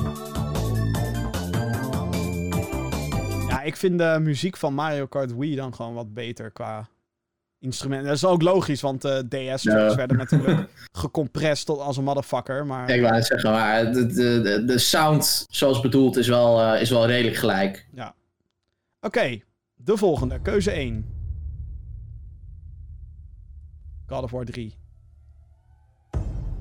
De main theme. De, de main theme. Wanneer komen die zware koren? Of was dat echt iets voor van 2018? Ja, dat was echt iets voor die versie. Oh ja, ja, nu Oh even. nee, oh, toch niet. Nee, Russos.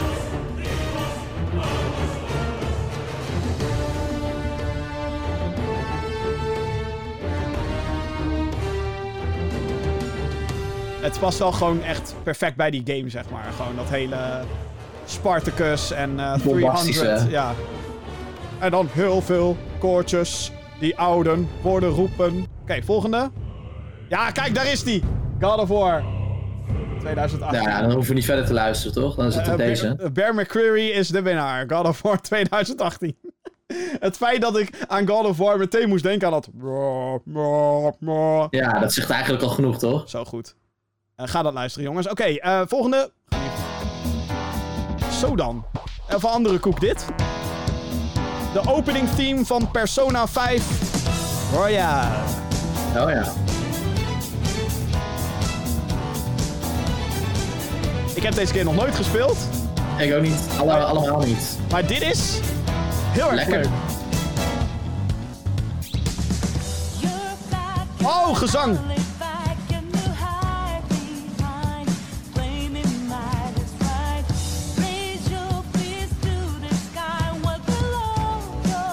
Op een of andere manier associeer ik eh game muziek met lyrics erin. Vaak ook wel met Japan. Eh, dat is op zich niet raar. Oh, oké. Goed zo. Dat zijn we ook heel vaak bij anime van die, eh, van die amazing intro's, weet je ja.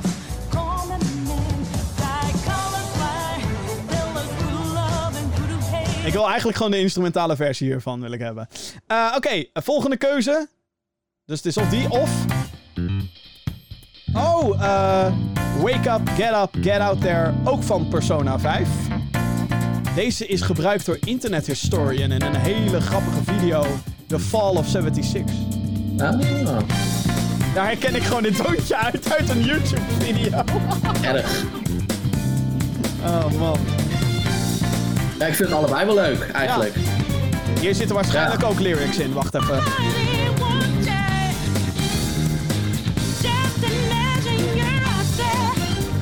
Ga voor één. Ja, ik eh, ga ook voor één. Maar ik vind Ik eigenlijk vind dit gewoon... iets te schreeuwerig. Ik vind eigenlijk gewoon dat we, dat we de gehele Persona 5 soundtrack hier een duim omhoog kunnen geven. Ondanks dat we de games nog nooit gespeeld hebben. Het schijnen hele goede games te zijn ook. Dus het verbaast me Ja. niks dat het eh, production design eh, top-notch is. Alleen wel heel tijdrovend natuurlijk. Net zoals het luisteren naar deze podcast, by the way, inmiddels. Oké, volgende! Oeh. De title theme van Mario en Luigi, Partners in Time. Dit was die DS-game, eh, toch? Dit was de eerste sequel, geloof ik? Uh, volgens mij wel, ja.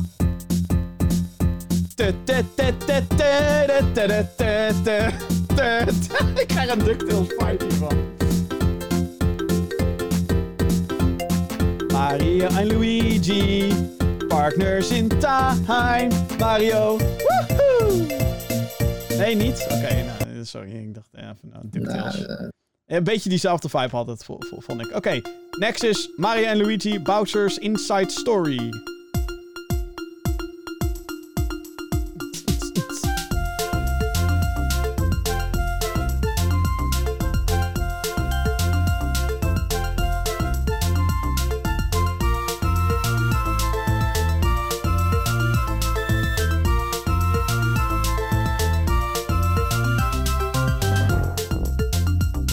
Zeg het maar, Johan.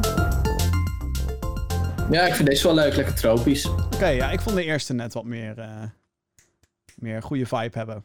Nou, goed dat we ook een keer verdeeld zijn. Daarom. Oh, de volgende. Detroit Become Human. Dit is de Connor main theme. Ik zag die guy, trouwens, oh, eh, die guy die, die, die, die Android speelt in die game, heeft dus eigen YouTube-channel. Nou, Decken Plays of zo. En ik vond dat zo'n mindfuck om hem like, te zien. Maar dan niet als Android in een videogame.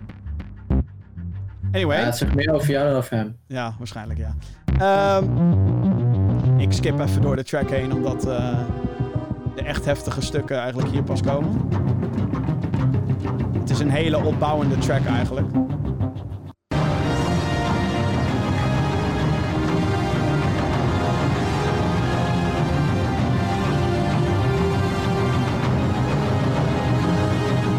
Eigenlijk moet je gewoon die games gaan spelen eigenlijk. Detroit. Of gewoon Detroit spelen. Ja. Eh, tweede keuze. Het zal denk ik ook van... eh, Ja, ook van Detroit. Dit is Kara main theme. Voor degene die het niet weet, in Detroit speel je als drie verschillende androids. En elke drie, dat is eh, trouwens super interessant aan die soundtrack. Elke drie van de androids hadden een aparte soundtrack gecomponeerd gekregen. Maar ook alle drie door een andere composer. Hm. Wat heel tof was.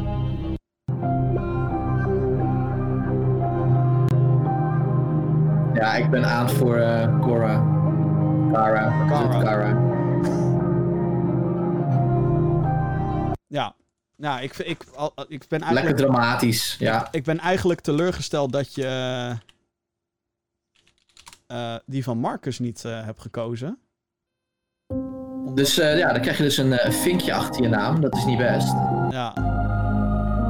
Die heeft dit.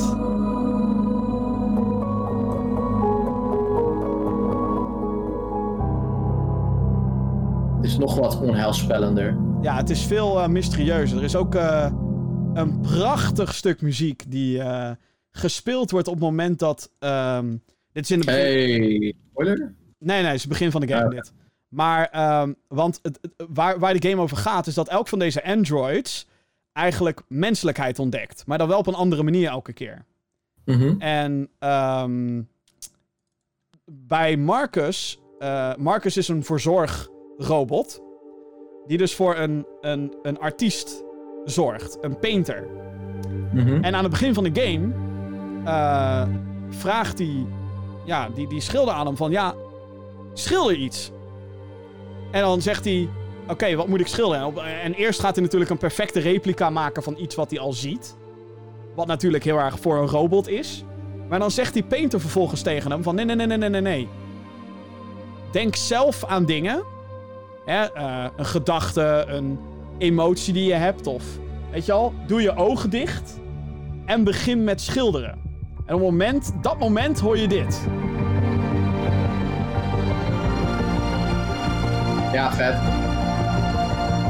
Oh, fucking hell, wat goed. En dan scheelt hij natuurlijk iets wat heel abstract is, of een beetje op basis van wat de speler kiest eigenlijk, waar je aan denkt en zo. Heel abstract kiest hij dan. En dan zit die guy in die rolstoel, zit dan zo van: Oh my god. Een robot heeft op zichzelf iets geschilderd. Het kent emotie. Nou, dat. Fantastische game, by the way. Eh, dus eh, ik eh, ga voor geen van beide opties. Ik ga voor Marcus. Oké, laatste. Laatste, laatste, la, la, la, la. Jezus Christus. Eh, dit is Beyond Two... We blijven een beetje in de Detroit sfeer. We gaan naar Beyond Two Souls. De official main theme. Door Hans Zimmer, kennelijk. Hansu. Hansie. Ik skip er een beetje doorheen.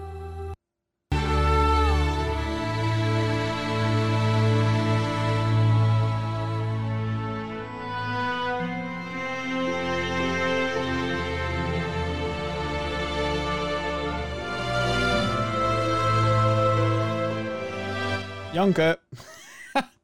Oké, tweede keuze. Ik vraag me al wat dit is. Zou het Heavy Rain zijn? Vraagteken. Nee. Het is... Indigo Prophecy? Nee, eh, Beyond Two Souls. Nou, Dawkins Suite.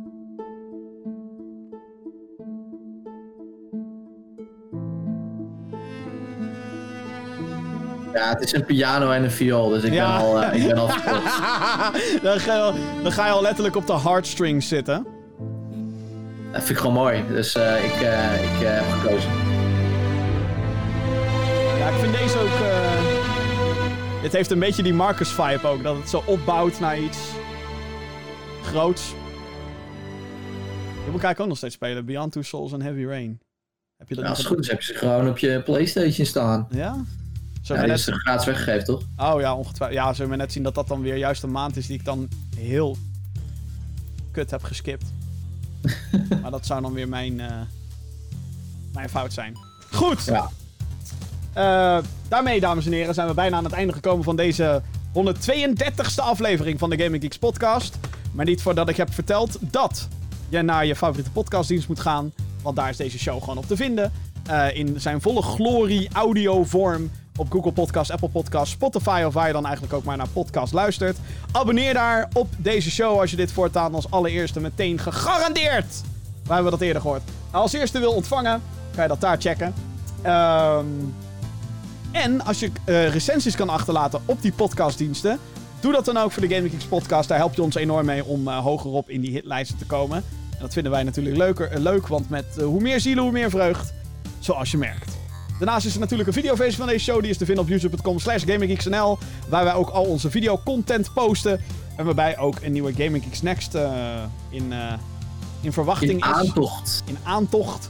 Want hé, hey, er komt bijna weer een nieuwe maand. Het is de maand van The Last of Us. Ja, het eh, wordt een korte aflevering, want ja, de Last of Us is er, dus The yay. ja, dat, The Last of Us Part 2. Dat. Meer dan dat. Je eigenlijk ook niet. Ja, behalve als Metro Prime Trilogy uitkomt. Maar dat is een rumor. Niet confirmed. Ehm, en check ondertussen eh, ASMR-sessies van Jordi. Want die eh, heeft daar een nieuwe obsessie mee. Om eh, in zijn microfoon te fluisteren terwijl de game speelt. Als je denkt, dat is een slechte combinatie. Precies. humor ensues. Ik zou zeggen, ga dat checken. Ook staat mijn Doom, Doom Eternal review natuurlijk nog steeds online. Dus ga dat kijken. Dat zijn mijn kijktipjes voor deze week. Johan, Ja, je denkt, waarom heb ik me hier in godsnaam meer voor ingeschreven? Eh, ja ik, eh, ik ga naar bed, denk Ja. ik. Ja, Dat is weer een avondvullend programma. Ehm, bedankt dat je er weer bij was. Het is hartstikke gezellig. hopelijk meer kijkcijfers dan Bo. Hoezo? Is het, gaat het zo erg daar dan? Nee. Nee, ik bedoel meer van, eh, omdat wij nu ook in, in, in zo'n tijdslot zitten, toch? Gemiddeld meer nu. Oh ja, als, als we zo lang doorgaan, dan... Ja, toch? Ja. Maakt niet uit op wat voor tijdstip je dit luistert, dan kom je vanzelf in de late night terecht. Hey. Even zonder gengheid, tof dat je erbij was. En tof dat je natuurlijk ook weer hebt geluisterd. eh, Zeker als je het zo lang hebt volgehouden. Na deze aflevering van de Gaming Geeks podcast. Eh, heel graag tot de volgende keer. Yes, later.